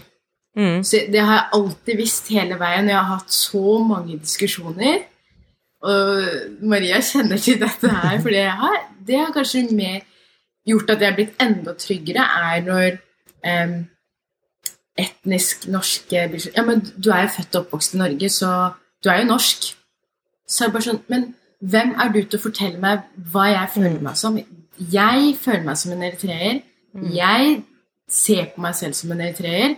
Og da, hvorfor, hvorfor skal du stemple meg som norsk? Ja, jeg er født og oppvokst her, og, men let me tell you, det er veldig flaks eller, og veldig tilfeldig at eh, jeg er født her og endte opp her. Em, og jeg tror i tillegg til det vi har liksom har hatt eh, mange av disse diskusjonene i ungdomstida mi, men da jeg var yngre òg, at jeg har reist så ofte til Eritrea, og jeg kjenner jeg kjenner til røttene mine så godt. Em, jeg kan liksom flere generasjoner ut da, liksom Mm. grandtanta til mamma kjenner jeg godt. Altså sånn, I som bor i Eritrea. Så jeg har alltid vært veldig bevisst eh, på det. Så jeg har ikke noe spesifikt øyeblikk. Eh, men jeg husker eh, da jeg gikk på folkehøyskole, hvor eh, ja, det var ikke så mange svartinger der. Eh, og det Ja, nå kommer håret igjen, da, men det er for meg å måtte, kunne, måtte forklare dem at eh, Nei, jeg må vaske håret. Det betyr sant? Vi var 17 stykker som delte et hus. Eh, at jeg bruker litt lengre tid i dusjen fordi at håret mitt har lengre tid. Jeg må, jeg, det, var, det var vel kanskje første gangen hvor jeg opplevde at jeg måtte være veldig tydelig på hva mine rutiner er, hvordan det er å være meg. Eh, Og så er det vel noe med Der hadde jeg også at veldig vi, mange- vi gikk jo på samme type folkeskole, eh, og det er folk fra hele Som på alle folkeskoler, så er det folk fra hele landet. Eh, så vi måtte ikke bare forholde oss til Oslo og Hauketo-folk, som vi alltid gjorde, liksom. Eh, det var folk fra som typ aldri kanskje hadde vært venner med en med en annen hudfarge ever. Liksom. Så du ble deres første. Ja. Du, du ble liksom tok jomfrudommen deres, på en måte. Their first. Ja, og jeg, jeg vet ikke, Ja, ja. Liksom, men i hvert fall, jeg var en av de første. Um, så det Der og da så var jeg sånn Ok, jeg må bare stå i dette her. Men i ettertid så har jeg vært sånn Jeg har tenkt skikkelig mye på det, sånn, i hvert fall året etter, to år etterpå. Det var så mange samtaler med Maria om sånn derre Hvorfor skal jeg måtte forklare meg selv? Det året der var sånn derre jeg følte jeg måtte forklare alt. Jeg følte jeg måtte diskutere meg til min identitet. Så det er kanskje det første Fordi at uh, barneskolen, ungdomsskolen, videregående, så hadde jeg liksom mange av mine venner med meg hele veien som fra barnehagen av. sant?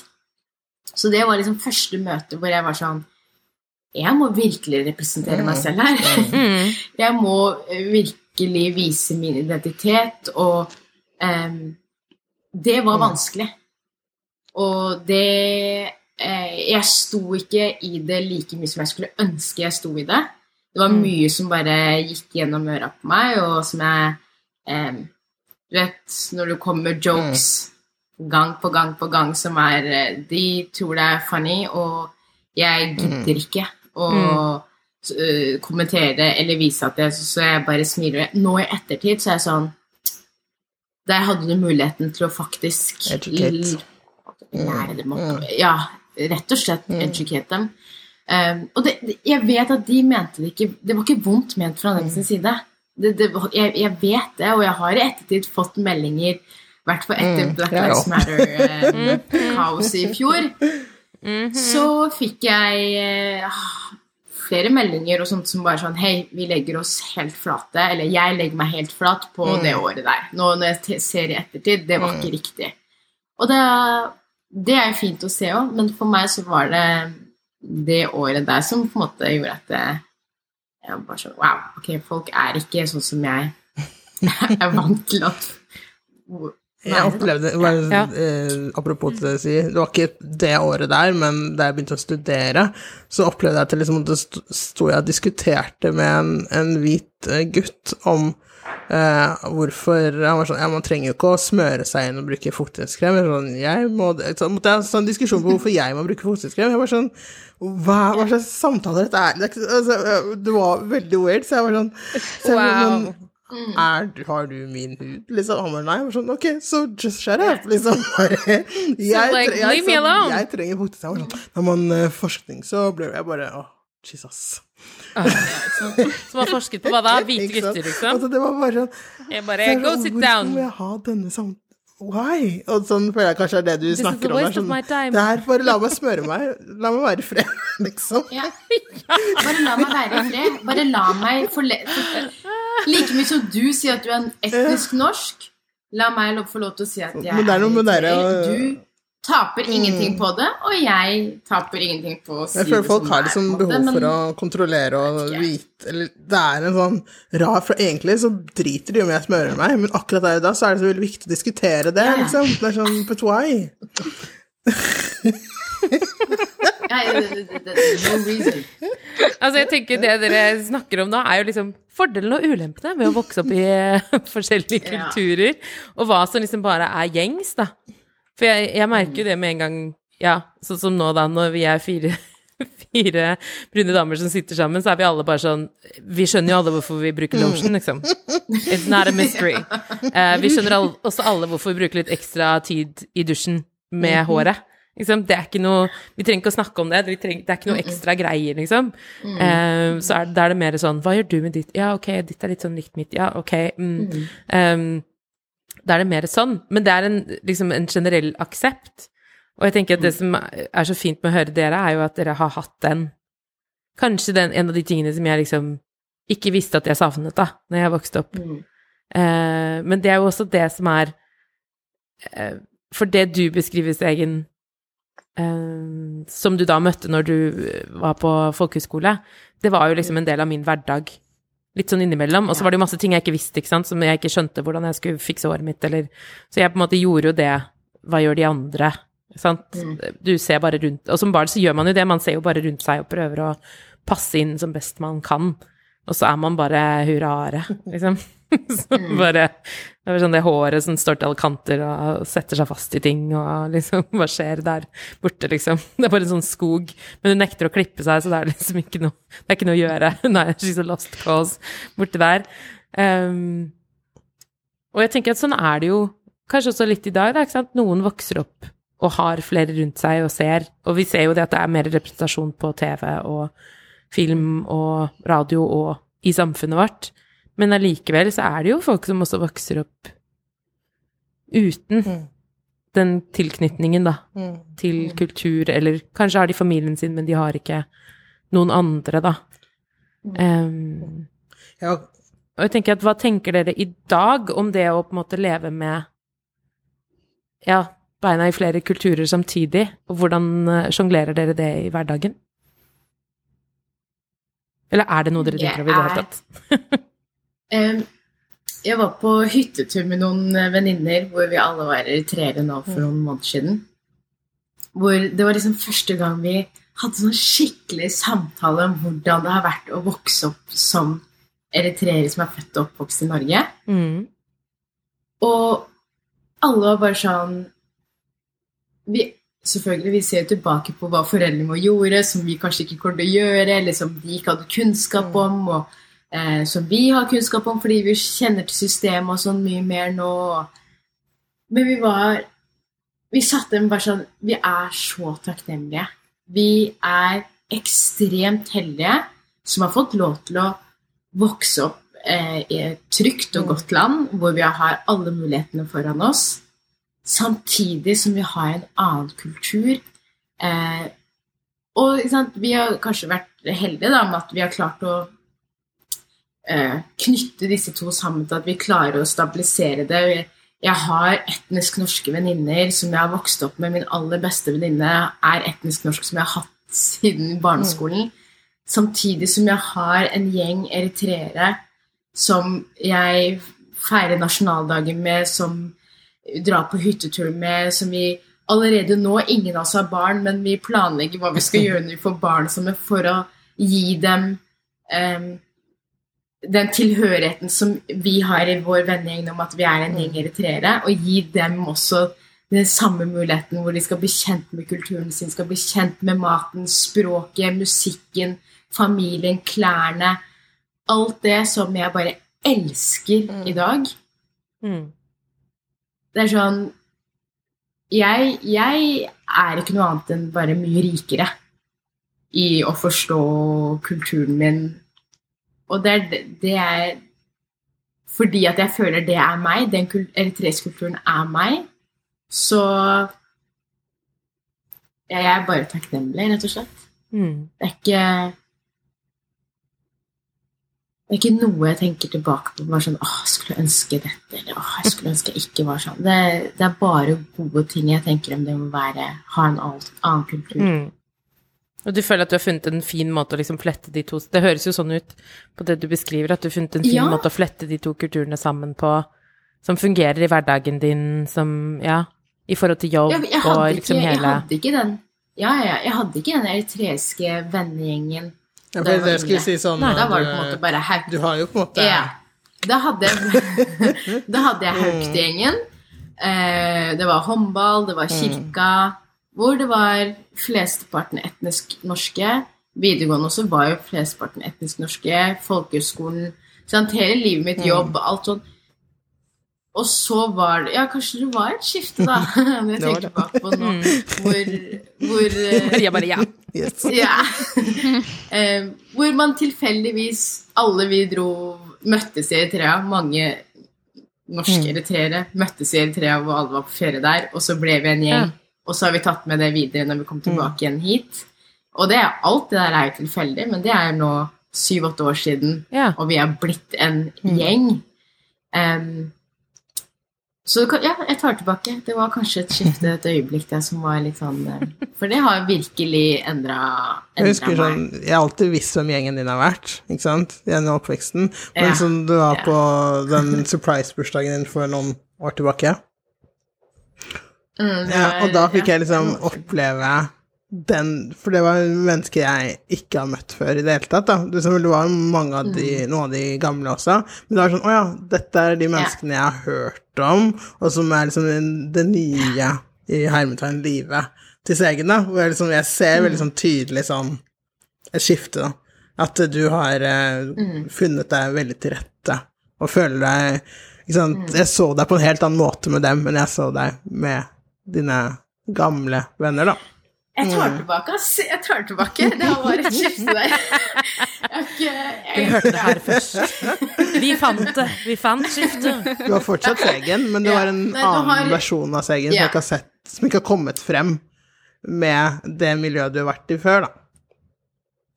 Ja, og det um, Jeg har vært litt forsiktig også med sånn Det er ikke mange av mine gamle venner som har møtt den eritreiske gjengen og sånn, fordi em, Og det, er jeg, det kan jeg være helt ærlig på nå. Nå er jeg såpass trygg på det, men det er etter at jeg fant den eller fant, Vi vi ble en gjeng hvor Segen kunne få lov til å være 100 Segen. Mm. Eh, fordi at hvordan jeg snakker, og det vet Maria Jeg har litt annet ordforråd når jeg først møter noen som forstår meg, og um, jeg liksom Ja. Du er ikke, det er ikke Du kaldswitcher ikke like mye, da, som du gjorde før. Nei, interessant, Segen. Cold Cold switch. switch, ja. Du gjør, Nei, du gjør ikke det. det Du, slipper, det, du trenger ikke å gjøre det. Du trenger ikke å tenke på Du bare er deg. Ikke sant? Jeg merker du er mye mer avslappet. Ja. Du er Ja, Mm. som du sier, det er deg 100 mer nå enn det Og det er, ja, enn det har vært tidligere. Mm. Det var tidligere. Og det er jo en interessant ting, da. Og så tenker jeg at Det er sånn, jeg tar 100 interessant at vi kroner timen for denne Maria må- terapitimen. Ja. Men, men helt seriøst, eh, sånn no jokes eh, Maria har vært den som kanskje har fulgt meg lengst i denne her, hele, alle disse prosessene, fordi du har kjent meg siden jeg var kid. Så du har sett liksom alt fra ungdomsskole til folkehøyskole til Videregående var mest spennende tiden din. Det var, da var det frustrasjon. Ikke sant? Ja, det var, eh, det var bra. Da måtte vi ha en eh, Jeg føler at her er det noen historier vi gjerne vil høre. Ja. Men, men helt ærlig, da, så er det jo sånn at du, du vil jo prøve å passe inn i det du har av Mm. folk rundt deg. Du vil ikke være den eh, som ja, hva, Hvordan de enn velger å se på hvordan jeg er, hvordan håret mitt er, hvordan jeg lukter fordi at moren min har lagd eritreisk mat. Eh, selvfølgelig rett før jeg skal ut av hjemmet, og det stinker løk. Altså. Skjønner du? Det, det, det er mye som jeg har måttet Ikke måttet, men ubevisst, I don't know, valgt å legge litt vekk, kanskje, når, når um, jeg hadde flere etnisk norske Mm. venner. Mm. Um, så kan man jo si hva har Segen valgt å gjøre de siste ti årene? Nei, fem-seks årene er jo kanskje å skifte det litt mer og mer ut. Du vet, når, når, man, når du begynner å smake veldig godt med at det er flere og flere du har i livet ditt som forstår deg mer, og du slipper disse diskusjonene og sånn, så kanskje fjerner man også noen folk fra livet sitt. Jeg tenker at Um, det er en naturlig bit av det å bli voksen. At man eh, Ja. tenker jeg. At man kanskje, og så ser man kanskje seg selv i et litt annet lys også, som Mm. det Maria beskriver, da. Altså, og det jeg hører at du sier så fint, er jo at du på en måte føler deg mer som deg selv. Og det å slippe å codeswitche, det å bare komme inn i en space hvor folk faktisk bare skjønner hva du snakker om, ja. og du kan liksom legge fra deg alle disse og vi, vi switcher jo miljøer alltid, ikke sant. Vi snakker jo litt forskjellig med foreldrene våre enn vi snakker med vennene våre. Altså, så en sånn viss form for skifte ja, gjør vi jo alltid. Ja, ja.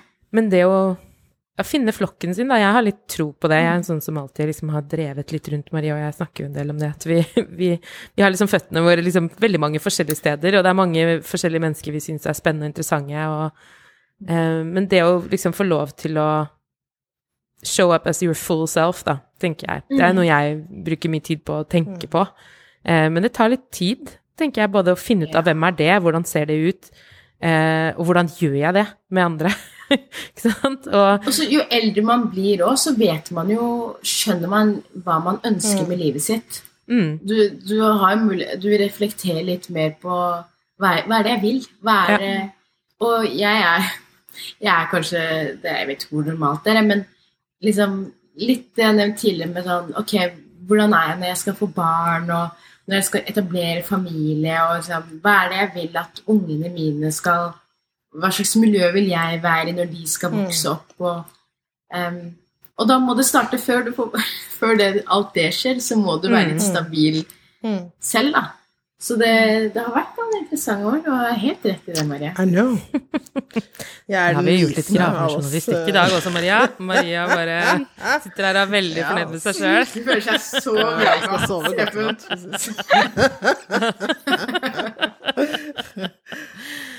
Ja, hva med deg, Hibbo? Hva kan vi grave ut om deg? Eh, ja Nei, jeg syns det Sigurd sier om, å om liksom definere seg som eritreer, at du, du definerer deg som eritreer, er veldig interessant. Jeg er veldig altså sånn, eh, For meg så har det vært viktig å, å, å liksom eie den definisjonsmakten over meg sjøl. Mm. At man skal få lov til å definere seg selv, eh, uansett hva liksom storsamfunnet sier til deg. Eh, så jeg syns det er kjempespennende eh, at du definerer deg som, som eritreer, og du har på en måte måttet kjempe, eller liksom overbevise, for å si at nei, men jeg er irritert. Fordi jeg har kanskje opplevd det motsatte, da hvor jeg mm, ha, har jo lyst til å passe inn i denne boksen som er liksom norsk somalier, da. For jeg mener at jeg, jeg er jo begge deler. Mm. Eh, og det har vært viktig for meg eh, Og jeg tenker at jeg syns at liksom, definisjonen av nordmann bør jo Mm. utvides. Altså, hvorfor skal en nordmann være blond og blåøyd og, og hete Kari Hansen, på en måte? Vi er forbi den tiden. Mm. Så min kamp har vel kanskje heller vært at nei, vet du hva, jeg er norsk-somalier, og det er, det er noe som heter det. Og, og hvis du spør meg hvor jeg er fra, så er jeg fra Oslo, jeg er fra Hauketo. Eh, Men jeg kommer ikke til å si at jeg er fra Somaliland, liksom, for det er jeg jo faktisk ikke. Mm. Um, så det, ja, det der med å eie liksom sånn definisjon over seg selv, det, å kunne definere seg selv, det syns jeg er veldig viktig. Mm. Um, så det har vært veldig viktig for meg. Og så, tenker jeg på dette med liksom eh, å være flerkulturell og stå med eh, Å ha to forskjellige bakgrunner å spille på, det syns jeg har vært utelukkende positivt, egentlig. Altså man blir eh, tilpasningsdyktig. Eh, man lærer seg å ja, code switche. Altså, du, du passer inn her, men du passer også inn der. Og det tar ikke så lang tid før du på en måte eh, vet at liksom Er jeg sammen med tante, så er jeg sånn. Og er jeg der, så, så snakker jeg sånn. Og, Mm. og ja, man blir liksom litt sånn kameleon, egentlig. Utrolig tilpasningsdyktig, som jeg syns er veldig Mm. positivt. Mm. Eh, samtidig som jeg syns også eh, det dere var inne på, altså at miljøet ditt må tåle deg som du er. Du skal også Mm. skulle måtte slippe å på en måte snakke på en annen måte fordi du er med den og den gruppa. Eh, så man skal på en måte være komfortabel, men, men jeg syns det det at man ikke syns så mange ting er rart. Da man får liksom litt større, større perspektiv, kanskje, Mm. når, man har, når man er flerkulturell. Altså at ja, noen drikker blod og melk eh, eller spiser rått kjøtt. Altså, det, er ikke, det er ikke så mye som er rart, da, fordi du har sett mye forskjellig. Mm. Mens du vokste opp, så det, sånn er det bare. Og liksom, ja, på somaliske bryllupsinvitasjoner så står det at du skal komme to timer før egentlig noen kommer. Og så, de starter liksom alltid et par timer på sent, og sånn er det. Og liksom sånn, man venner seg til mange ting. Da. Jeg syns det er veldig mye positivt ved å være flerkulturell. Mm. Ja, ja. Så Mm. Ja, ja. jeg tenker at det er eh, ja, både utrolig viktige ting dere, dere sier, og jeg er jo helt enig med dere. At jeg, jeg ser jo også på det som en enorm fordel. Eh, og det å kunne måte gå inn i forskjellige settinger og ikke nødvendigvis ha bare en sånn liten boks med jeg, jeg bor bare i denne lille boksen, jeg, og det er her jeg er, liksom.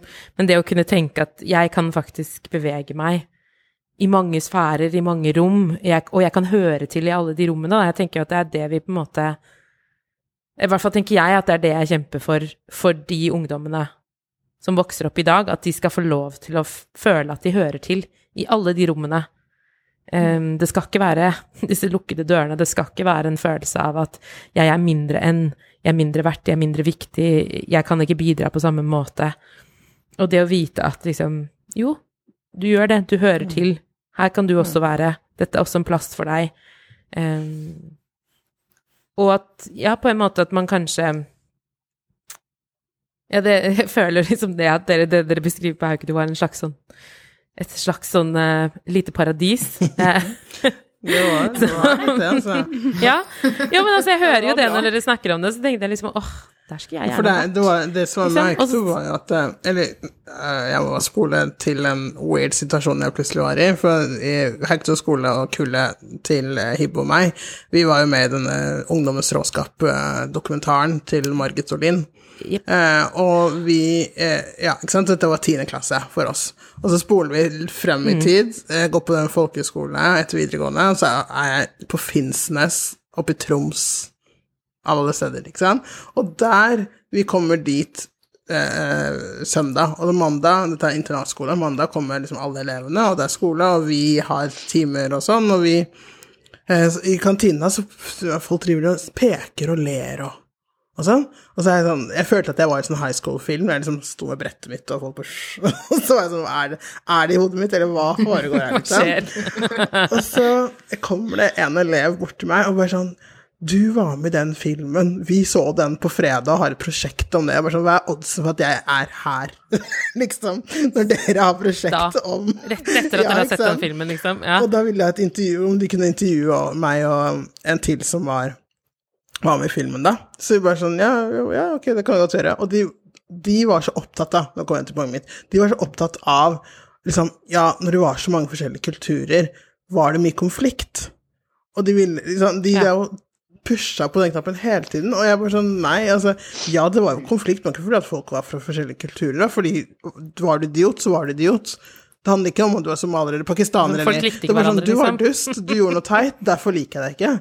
Det var aldri Ja. eh, bakgrunnen som var grunnen til konflikt. Men det ville de ikke tro Mm. på, da. For, ikke sant? for i den konteksten deres så var det etnisk norske, og så var det Var flyktninger? Fra asylmottak. Ja. Det var de to gruppene. Det var ikke noen som var, det var ikke noe mellomsjikte. Det var liksom, det var så veldig, og der var det mye konflikt. Så de ville ikke, de klarte ikke å tro på vår fortelling, eller vår historie, da. Ikke sant? Eh, og det var veldig interessant, da, å, å ha den samtalen med disse oppe i Troms i 2006, eller noe. Ja, for det er jo veldig interessant det du sier der, at selv når de hadde noen rett foran dem som kunne Mm. fortelle dem at den historien dere forteller nå, ikke er sann, fordi det er min historie du snakker Mm. om, og jeg kan fortelle deg at den ikke er sann, så er det fortsatt Ja, men Er du helt sikker? Det var jo litt sånn, Sikker på det! ja. Ikke sant? Men det er jo fjernt fra deres historie. Ja, ja. Det er så Men det er- fjernt fra deres historie at det, det, det er ikke nær, hvis, det ikke er, hvis Marias historie ikke er i nærheten av deres historie, ja. så er det eh, du, du må nesten sikkert ha bevis for Ja. at det på en måte Det holder ikke med at du sier det. Men Din historie er ikke man, godt nok. man må liksom Man må oppleve det selv for å for å forstå For å forstå det sånn virkelig, at, det skal, at du, du må kjenne det på kroppen at det er faktisk mulig. Det, wow! Det er litt sånn, jeg var i Armenia med en organisasjon som jeg og Seggen har vært i, og der var det, skulle vi snakke om demokrati, og de trodde jo ikke på Når vi snakket om det norske demokratiet, de var sånn nei, nei, det er ikke mulig. For der er det jo kjempekorrupt, og du må betale legen for å få en diagnose, liksom. Så det var på en måte helt Vi er jo i enden av våre sk- forskjellige skalaer, da, ikke sant. Så de bare De var sånn De ble jo Først ble de fascinert, og så ble de provosert og sinte. For de var sånn Nei, nei, dere ljuger til oss. Ja. Hvorfor kommer dere hit og serverer sånne løgner, liksom? Og vi bare wow, ok. Det, det var sånn Det er som du sier, det var så Ja. langt ifra dere, så de bare Nei, vi kan ikke. Nei, det Da blir det lettere Ja, å for hvis dette er sant, så betyr det at vi har levd på en løgn, og det kan jeg ikke godta, ikke sant? Det kan jeg ikke godta. Yes, det er Og det gjør vondt. Det, den sannheten er mye verre å svelge. Det er vondere enn å måtte forholde seg til at Nei, det er bare ikke mulig. Det kan ikke bli bedre enn dette, liksom. Det er veldig interessant. Hmm. Noe å tenke på der, altså. Dropping some knowledge, Jeg føler at det Maria, i dag har du, i dag har du levert, altså. Pulling your weight. Men jeg må du sa Hibbo det med at nordmenn er blåøyde og bla, bla, bla, ikke sant? Så man tenker, det er sånn, ja, ja, sånn er en nordmann. Hvor mange nordmenn er egentlig det? Hele min familie, they're all white. Ingen blonde i min familie, og vi er en stor familie, ikke sant? Ja, men hører de egentlig til, Er det, Marie? Er det det det kan være noe sånn er portugisisk et eller annet sted, I don't know. But liksom, ingen Ingen er blå, blonde. Uh, det er noen blåøyde i min familie, men alle har brunt hår. Og vi er typ Ja. 30 i min familie, nærmeste familie, ikke sant? Så vi har ikke så veldig Der er ikke vi så norske, da, selv om vi er all right. Så det luker dem ut med en gang. Jeg tenker det er sånn, Selv om vi vet at nordmenn, etnisk nordmenn ikke er blonde og blåøyde, så er det fortsatt fortellingen. Og du bare sier liksom hvor sakte det går, da, å endre den fortellingen. Ja, det er interessant. Ja, det er kjempeinteressant. Og det er, ja, det er som du sier, nesten ingen, eller veldig få i Oslo som har det nor nordiske utseendet, da. Typisk nordisk utseende. Um, men jeg bare syns det derre det, Jeg syns det er så vanskelig, hva skal man kalle, si nå? Altså etnisk nordmann, hvit nordmann, også alle disse liksom Definisjonene Ja, begrepene er jo vanskelige, fordi altså, sånn etnisk Ok, hva er en etnisk nordmann? Hva er det en hvit same. nordmann? Altså? Jeg tenker jo at vi fortsatt leter, da. Jeg tenker jo at vi fortsatt leter etter um, For det er jo som du sier at ja, fordi etnisk nordmann stemmer jo heller ikke, fordi etnisk sett så er jo jeg også nordmann. Eh, så sånn DNA-et mitt er jo mesteparten norsk, på Mm. en måte. I have the papers to show it. Yes. det, det der, det der Just- just so you know. Um, så det er kjempevanskelig, ikke sant? Og så- for ja, hva gjør man med alle de som er mixed, da? Alle oss som liksom er i et eller annet sted imellom der, uh, i ingenmannsland. sånn, sånn en god blanding av Vi bare tok noe DNA, helte oppi her og bare rista sånn godt. Det er, sånn, det er liksom sånn Det er min DNA-skala. Den er sånn godt rista. Her er det mye En liten godtepose av greier. Jo, men, men det er det vi snakket om, som Hibbo sa, det derre Å kunne ha sin egen identitet og kunne på en måte Hvem er det som skal si noe om hvem du Mm. Det du føler, det er det du er. Men problemet kommer jo når man skal snakke generelt. Mm. For eh, jeg kan si at Hibbo er du, du, du, du. Si hva er det og det og det. Men når vi skal snakke generelt om folk fra Somalia, Mm. eller folk som er blonde og blåøyde, hva, hva er det vi skal kalle de? Og det er riktig, eller, og det, Mm. at, det, det, at alle pass skal passe inn innenfor den definisjonen, det er kjempevanskelig. Mm. Fordi tiden også endrer seg. Eh, folk føler ulike ting, eller at, at det er ulike ting innafor ish samme gruppe også, som man egentlig tenker er ish samme gruppe. Føler at det er forskjellig. Så jeg syns det der er kjempevanskelig, det der å definere Eller hvem er jeg til å definere noe, men i hvert fall finne noen begreper som de fleste er komfortable med. Som er det viktig med disse jeg- begrepene, for det er jo språk er det eneste vi har, så vi må, vi må liksom kunne labele det på en eller annen måte, selv om man ikke skal labele, men for å kunne ha en samtale eller ha liksom en eh, at fremgang, så må vi gi det navn, ellers så vet vi ikke hva vi snakker, så blir det ingenting da, plutselig. Og da er det vanskelig å snakke om. Men jeg tenker at det er kanskje noe med det å, å tenke at språket også er jo noe som utvikler seg. Så kanskje det å Ja, vi bruker de terminologiene vi har nå, inntil vi finner bedre språk, da, til vi leter sammen. At, at man kanskje heller har disse samtalene med forbehold, da. Altså sånn I manko av et bedre ord, så Ja. bruker vi dette til vi finner noe bedre, ikke sant? Og så, og så kan vi lete sammen, og kanskje vi finner ut av noe, og i det så skal vi romme plass til at vi alle skal få lov til å være individer og få lov til å definere oss selv og ha definisjonsmakt. Em, og at man passer på at man ikke bruker språket til å ta fra folk definisjonsmakt, da. Tenker jeg at det er liksom- liksom noe jeg tenker at um, språk kan fort bli våpen. Uh, og, og det er det også viktig å være bevisst på. Så, så en slags sånn um, Hva er det vi sier på norsk? Jeg mangler i manko på ordet, så, så humility i forhold til det at Ydmykhet der. Takk, Maria. Vær så god. Igjen, pulling your weight. uh, ja, men en ydmykhet i forhold til hvordan vi bruker språket, at det er i endring. Ikke sant? Og at det kanskje ikke Kanskje vi ikke trenger å gjøre det så vanskelig at språket er i endring. Og at vi leter, vi leter etter begreper, ikke sant. Det er jo det er mye motstand med en gang man skal begynne å forandre noe. Ja, men jeg har jo alltid sagt sånn her. Det er bare sånn, ja. Men altså, bilen din så alltid sånn ut til du byttet den inn i en ny bil, og så så den annerledes ut. Altså, things change, my friend. Ikke sant? Og det er bare Bli vant til endring. Eh, Jeg husker ikke hvor jeg Jo, jeg tok noen sånne ledelseskurs, og da var det en veldig interessant eh, setning som dukket opp, som, som sa det at det er veldig interessant, for vi snakker om ting som om alt er en konstant, men det eneste som er konstant, er endring. Så, så det å lede noen ting, det eneste du egentlig trenger å være bevisst på, er at det vil alltid endre seg. Endring er liksom a given. Ting vil bli annerledes. Eh, og det betyr at du må forholde deg til at det blir annerledes. Og så må du lære deg hvordan du skal forholde deg til det, sånn at du klarer å mestre det på en ålreit måte. Og for meg så var det en sånn ah, Mm. nå snakker vi, liksom. Da, gjør, da blir jo ting helt annerledes, liksom. Istedenfor at jeg skal tviholde på at nei, men det var dette jeg lærte, og det var sånn det var, og da Ikke sant? Så den, sånn vår motstand mot at historien skal forandre seg, at ting endrer seg, at vi må ta inn over oss noe nytt fordi det er ubehagelig, eller det kanskje setter ting i et annet lys, eller kanskje jeg må tenke annerledes, eller hva krever dette av meg, da? Det er enklere for meg å bare holde på. Så jeg tenker kanskje det ligger Det er vanskelig med endring òg, da. det er kjempevanskelig. Altså, vi er jo vi er jo som vanedyr. Vi vil jo gjerne helst gå minste motstands vei. Altså, det, er jo sånn, det snakker man jo også mye om at det er menneskets natur. Så, men når man tar det at det er menneskets natur samtidig som ting er i endring hele tiden, i hvert fall det samfunnet vi har skapt, da, så har vi jo skapt et samfunn som driver og endrer seg hele tiden.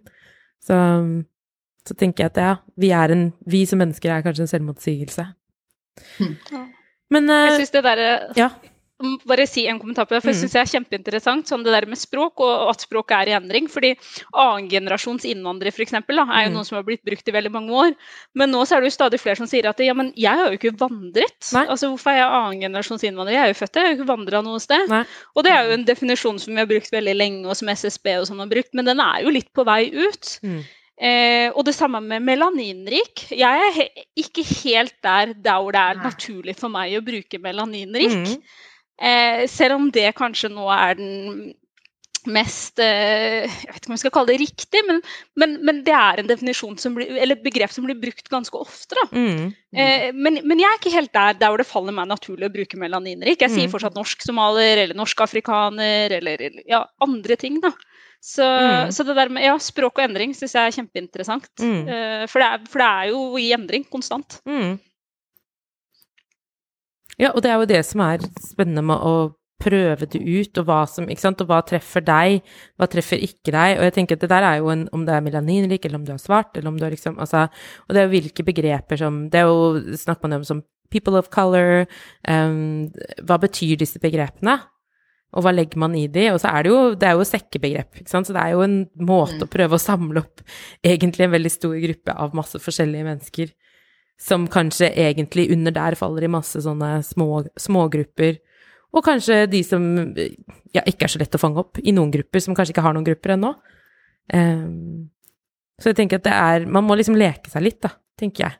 Og at det egentlig er litt sånn sunt. Og så det, så tenker jeg at det er greit å bruke forskjellige begreper så lenge man ikke liksom Altså det er noen begreper vi alle liksom, jeg føler at vi kan være enige om at vi ikke bruker, som eh, ikke har noe positivt med seg i det hele tatt, og så kan vi Vi kan liksom skrinlegge de, eh, og inntil videre bruke disse andre begrepene som vi liksom eh, Som i hvert fall skal prøve å si noen ting, da, hvis, hvis det er noe du prøver å si noen ting om.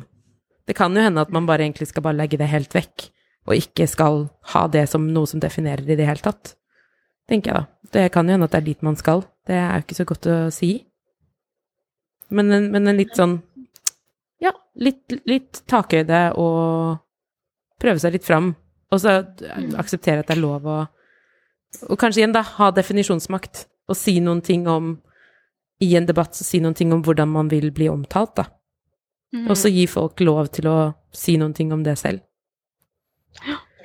Jeg tenker at vi begynner å nærme oss slutten, men uh, før vi avslutter, damer, så har vi noe vi kaller quickfire round.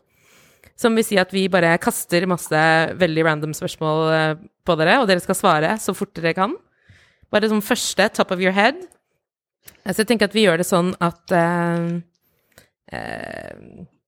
Hibbo svarer først, og så Segen. Og bare sånn Det trenger ikke å henge sammen, men bare første dere tenker.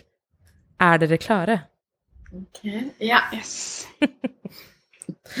På en skala fra én til ti, hvor rar er du? Eh, åtte, åtte, ni? Åtte, åtte, ni. Ja. Segen? Syv-åtte. Syv-åtte? Ok, ja, det ser sånn greit ut. Hva Hvis du var en frukt, hvilken frukt ville du vært?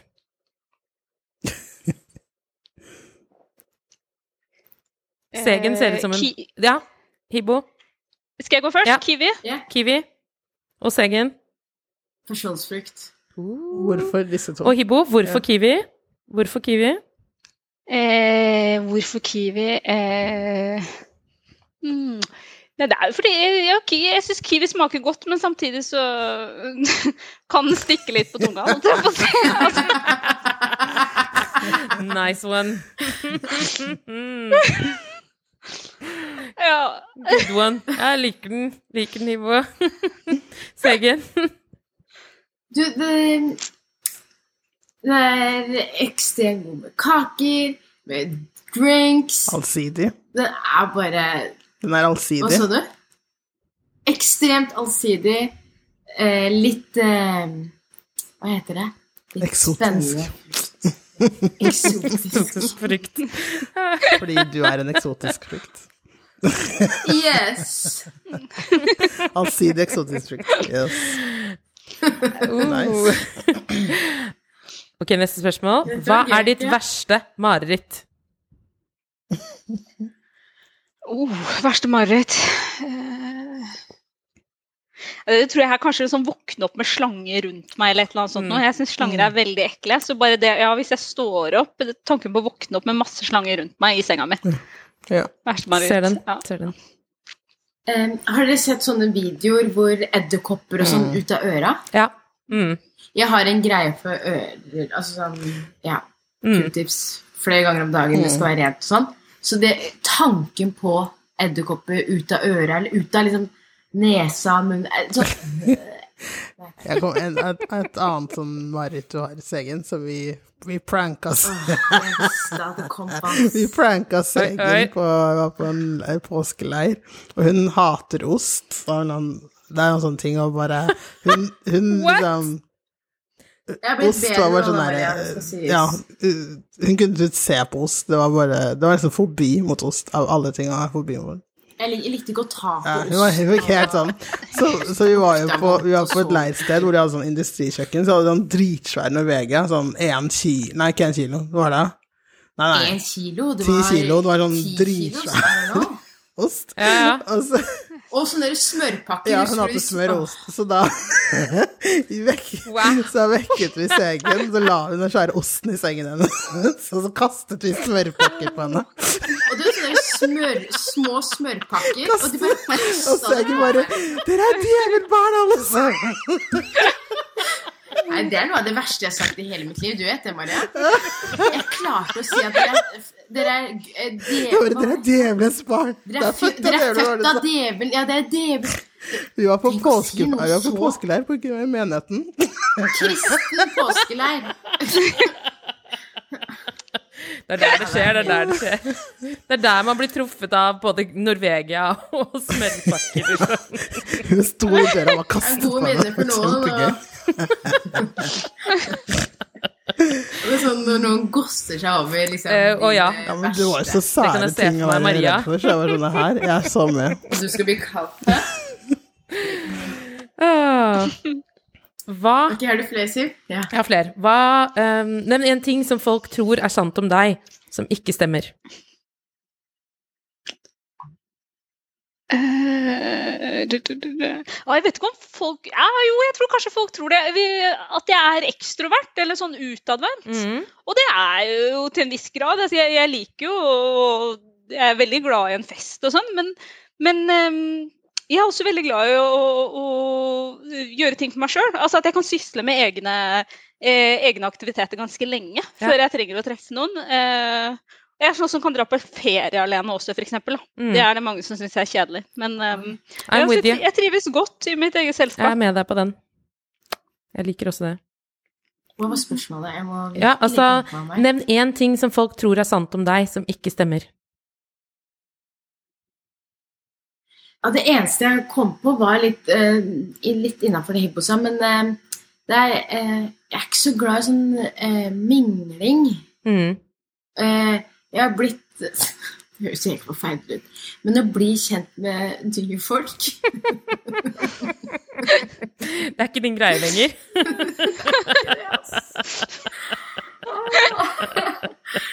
Men jeg er jo liksom på når jeg virkelig Når jeg må mingle og bli kjent med folk. Men innerst inne så er det ofte jeg kanskje tenker sånn ah, Give me a break. Ah. Nå vet dere det i hvert fall, folkens. Så la det være i fred. Det høres helt guttete ut. Ja. Ok, neste. Hva gjør du for å ta vare på deg selv? Altså form for self-care. Hva er din go to? Eh, og jeg, jeg er glad i sånn uh, Jeg er glad i å ta en lang dusj og smøre meg inn med kremer, ansiktsmaske, fikse håret. Uh, bare ha god tid, god tid Mm. og produkter. Og så liker jeg å gå tur Mm. alene, med eller uten podkast. Bare for meg sjøl. Ja. Og, og trene. Trene på sats. Høres bra ut. God kombinasjon. Og deg, Seggen? Mm, Jeg elsker å sove. Så hvis jeg har mulighet det er alt, Jeg elsker å sove. Jeg sov senest i stad, halvannen time før jeg skulle snakke med dere. Elsker det. Så det gjør jeg veldig gjerne. Det høres jo veldig kjedelig ut, men det er eh, veldig godt. Eh, og så er jeg veldig glad i å gå tur alene. Ja. Mm. Mm. Så litt sånn tid for deg selv. jeg er litt sånn Ja. Jeg trenger å koble helt av. Mm. Så går jeg gjerne tur. Hva tenker du om folk som spør 'hvor kommer du egentlig fra'? Ja, det var jo litt innpå i stad. Mm. Eh, jeg tenker at de mener jo ikke alt det. Altså, de har jo sikkert gode intensjoner. De mener jo ikke, mener jo ikke uh, noe vondt. Men, men jeg er litt lei det spørsmålet, altså. Og i Mhm. 2021, liksom. Jeg syns vi skal move past it. Jeg syns det er litt sånn derre utdatert spørsmål, egentlig. Ja. Det er ikke så interessant lenger. Altså, sånn, vi ser jo ut Vi ser jo veldig forskjellige ut, uh, alle sammen. Ja. Em, jeg tenker eh, Nå er det faktisk ganske lenge siden jeg har fått noen sånne spørsmål, men um, du kunne gjerne omformulert spørsmålet ditt. Det er det sikkert det første jeg tenker. Mm. Og så uh, svarer jeg. Ja. Jeg jeg gidder faktisk ikke å bruke så mye energi på det, Mm. for helt ærlig. Hva er det beste komplimentet du noensinne har fått?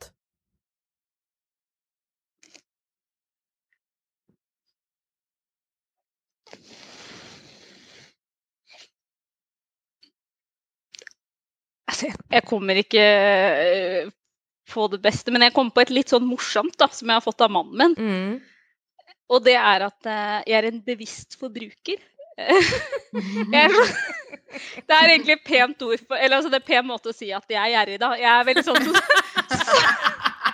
Jeg er sånn som sammenligner på prisjakt.no før jeg kjøper noe.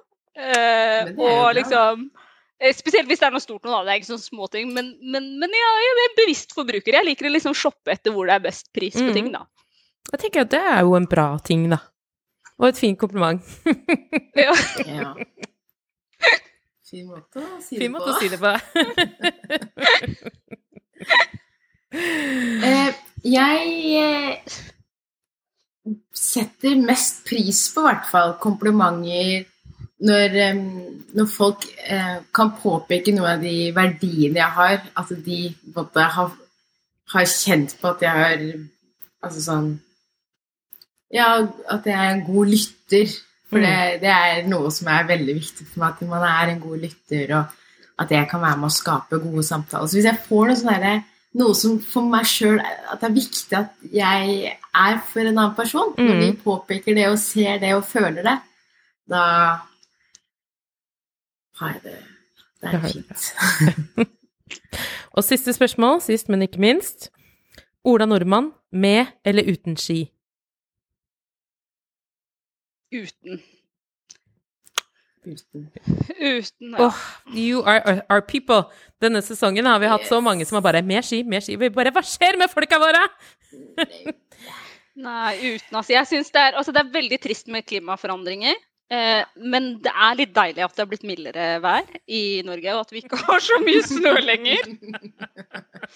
Og ideelt sett så ønsker jeg meg sånn to uker med snø rundt sånn jul-nyttår hadde vært koselig, og så holder det. Ja. Eh, så uten Definitivt. Men klimaforandringer, det er no joke, altså. Ja. Det, er, Sant? No det er veldig, veldig alvorlig. Eh, men ja, det har blitt litt varmere nå. Mm. Så. Og Segen, er du samme Ja, ja, 100 Og altså, for all del, kos deg på skitur. Men uh, it's nothing for me. Ikke, ikke spør deg om å være med, liksom. Uh, jeg er inne på den hytta eller hva den der Ja. og baker boller og kakao og lager kakao til du kommer tilbake.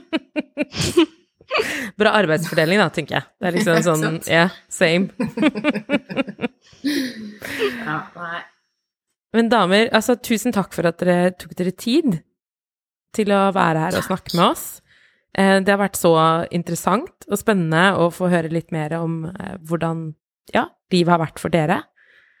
Eh, Så jeg tenker at jeg sier tusen takk. Maria har løpt av gårde fordi hun har en liten datter som trengte litt ekstra hjelp, så det er derfor dere ikke hører henne, men jeg er helt sikker på at hun også takker. Så takk. Eh, og så håper jeg at vi kan snakkes igjen. Eh, jeg har en følelse at vi, det er andre ting vi kan snakke om også. Ja, det var gøy. Yes, takk for oss. Det var kjempegøy. Morsomt å ha dere her. Det var da Girlsa fra Hauke 2. Ja. Whoop, whoop, whoop. Det lille paradiset. Tydeligvis.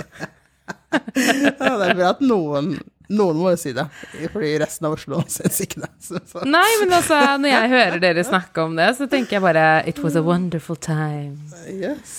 Det var en gang for lenge, lenge siden. Ja, altså 87-kullet som jeg, jeg og Hibbo var på, Ja. det var det beste kullet. Sitt er sånn ja. Men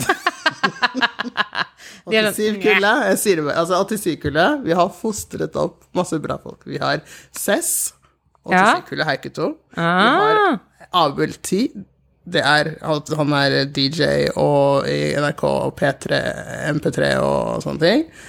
87-kullet heiketo Judy, eh, som er eh, skuespiller på Nationalteater, på Norske Ja. Teater.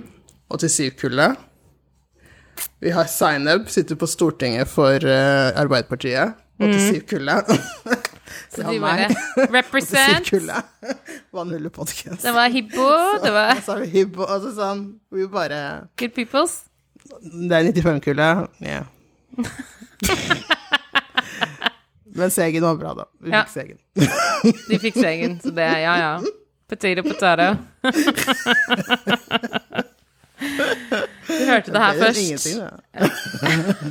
det ble en ingenting, tenkte jeg. Det var noen andre da, men jeg husker ikke hva det heter. Men ja. Ja. Nei, det var tydelig at de, de satte ikke så uslettelig spor i Marie. Nå får vi masse det var sånne Joakim og Keddist. Greit, dere fikk den Ja, okay. ferdig. Ja, ja. Mm. Jeg føler at det var noen viktige folk du måtte nevne der. Ellers så havner du i trøbbel. Ja, jeg får høre det, altså. Sånn. Ja. Ja, ne, ne, ne, ja, yes, I see you. Dere være med. Men uh, ja, så det, men altså, det, er jo- det, det var gøy å snakke Jeg hadde ikke tenkt på det at vi Jeg vet at vi kom fra samme sted, vi tre, men jeg hadde ikke tenkt på den der som sier den derre bobla vi er oppvokst i, kontra Mm. din ensomme boble. Min veldig ensomme boble der hvor jeg bodde, hvor det var um, blenda hvitt. Ja. Mm. Det var meg og tre andre kids som Ja, som jeg har sagt tidligere. Ja. Så det Um, var, det var gøy å Ikke gøy, da, men ja. Ja mm. Ja, men det gir jo en helt annen virkelighet, da, tenker jeg. Ikke sant? Mm, Det, det, og en helt annen virkelighetsoppfattelse, og det av annerledeshet. Og jeg tenker jo sånn Sånn sett som vi har snakket om i podkasten også for min del, at ja, jeg er veldig lys og alle de tingene, men i den settingen så ble jeg jo annerledes nok. Mm. Hadde jeg vært i deres setting, så er det ikke sikkert at jeg hadde en gang liksom Ja, vært en blipp på radaren, liksom. Sånn, så det, alt handler jo om kontekst, av, Altså hvor, hvor er du? Og det tenker jeg at det sier jo noen ting om ja, utenforskap og det å føle seg annerledes. Det kan man jo gjøre uansett hvor man, hvor man er og hvem man er. Så annerledeshet uh, føler vi jo alle på på et eller annet vis. Eh, det er jo andre ting som gjorde at jeg var annerledes også, men det var kanskje den biten som var veldig synlig, da. Og det er vel det som blir den store forskjellen, at, at noen ting er bare synligere enn andre. Det, Noen kan jo være veldig annerledes på innsiden, og, og når du liksom blir bedre kjent med dem og sånn, men det er kanskje ikke det første du ser, da. Det første som møter deg. så interessant med sant, hvordan, de, hvordan Segen og Hibbo velger å de, de, definere seg selv på veldig forskjellige måter. Da. Mm. Veldig. Sant, selv om de er oppvokst eh, med eh, afrikanske foreldre, Mm. eh, begge to, så kan man tenke ja, men da er dere sånn, eller da, Mm. Men det er liksom det at det var Og de er også oppvokst på samme sted, og Mm. Ikke sant? Men at man velger å, å å eh, definere seg selv på så forskjellige måter, syns jeg er veldig spennende. Ja, det er veldig interessant, og det sier jo noen ting om ja, om identitet og, og hva som former oss, og hvor forskjellig det kan være, da. For, altså, ting bare lander forskjellig i oss, tenker jeg. Det, det er spennende i seg selv, da. Det, det åpner jo så utrolig mange rom. Eh, så, og på en måte så tenker jeg at det ligger litt frihet i det også. At det er rom til å identifisere seg selv, da. Ikke minst. Å få rom og plass til det. Og at det er viktig, tenker jeg da. Så nei, det var fint. Det var fin samtale. Jeg håper at uh,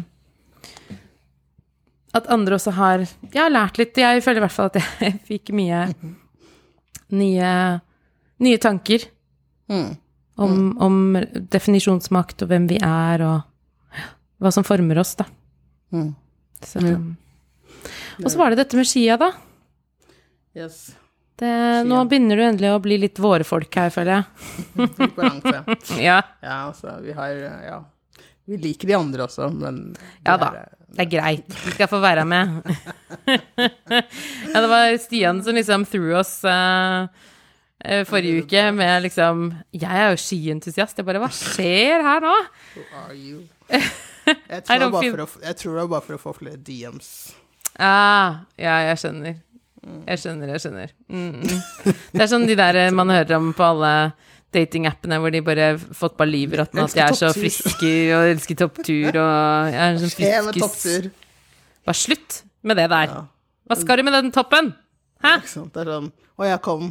It was nice. Jeg går ned. Ferdig. Hvorfor? Bare nei. Mm. But Men, why? Ja, disse to uh, frøknene, de var uh, nei til ski. Det var ikke det de sa. Jo. Håper at det er litt de sa. det var det de sa. Mm. Nei, men det var eh, Ja, det liker jeg. I like Mm. it. Det begynner å bli litt sånn litt jevnere. Litt mer balanse, føler jeg, nå i podkasten her, så Det er lover godt. vi må bare fortsette å ha episoder til det her. Ja, til det er balanse, så at vi liksom ikke Sånn, vi har lenge tenkt på å lage om denne episoden, nei, vi har ikke det. Vi skal bare ha den som skal Vi må først spørre deg om et veldig viktig spørsmål. Ja, For er eller mot ski? Ja, det er viktig å prioritere, Maria. Det er viktig å prioritere. Ja, men altså, vi må jo fortsatt vaske hendene. Nå begynner det å være fint vær ute. Vi er ute. Jeg føler at vi fortsatt skal holde litt avstand. Altså, ikke hat på hverandre. Det gjelder fortsatt. Hold avstand. Og del på ubehaget.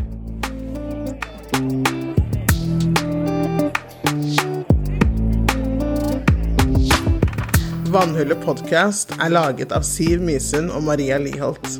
Musikken er laget av Olve Flakne. Husk å abonnere på podkasten, følg oss på Instagram og Facebook. Lik og del. Vi ses ved Vannhullet.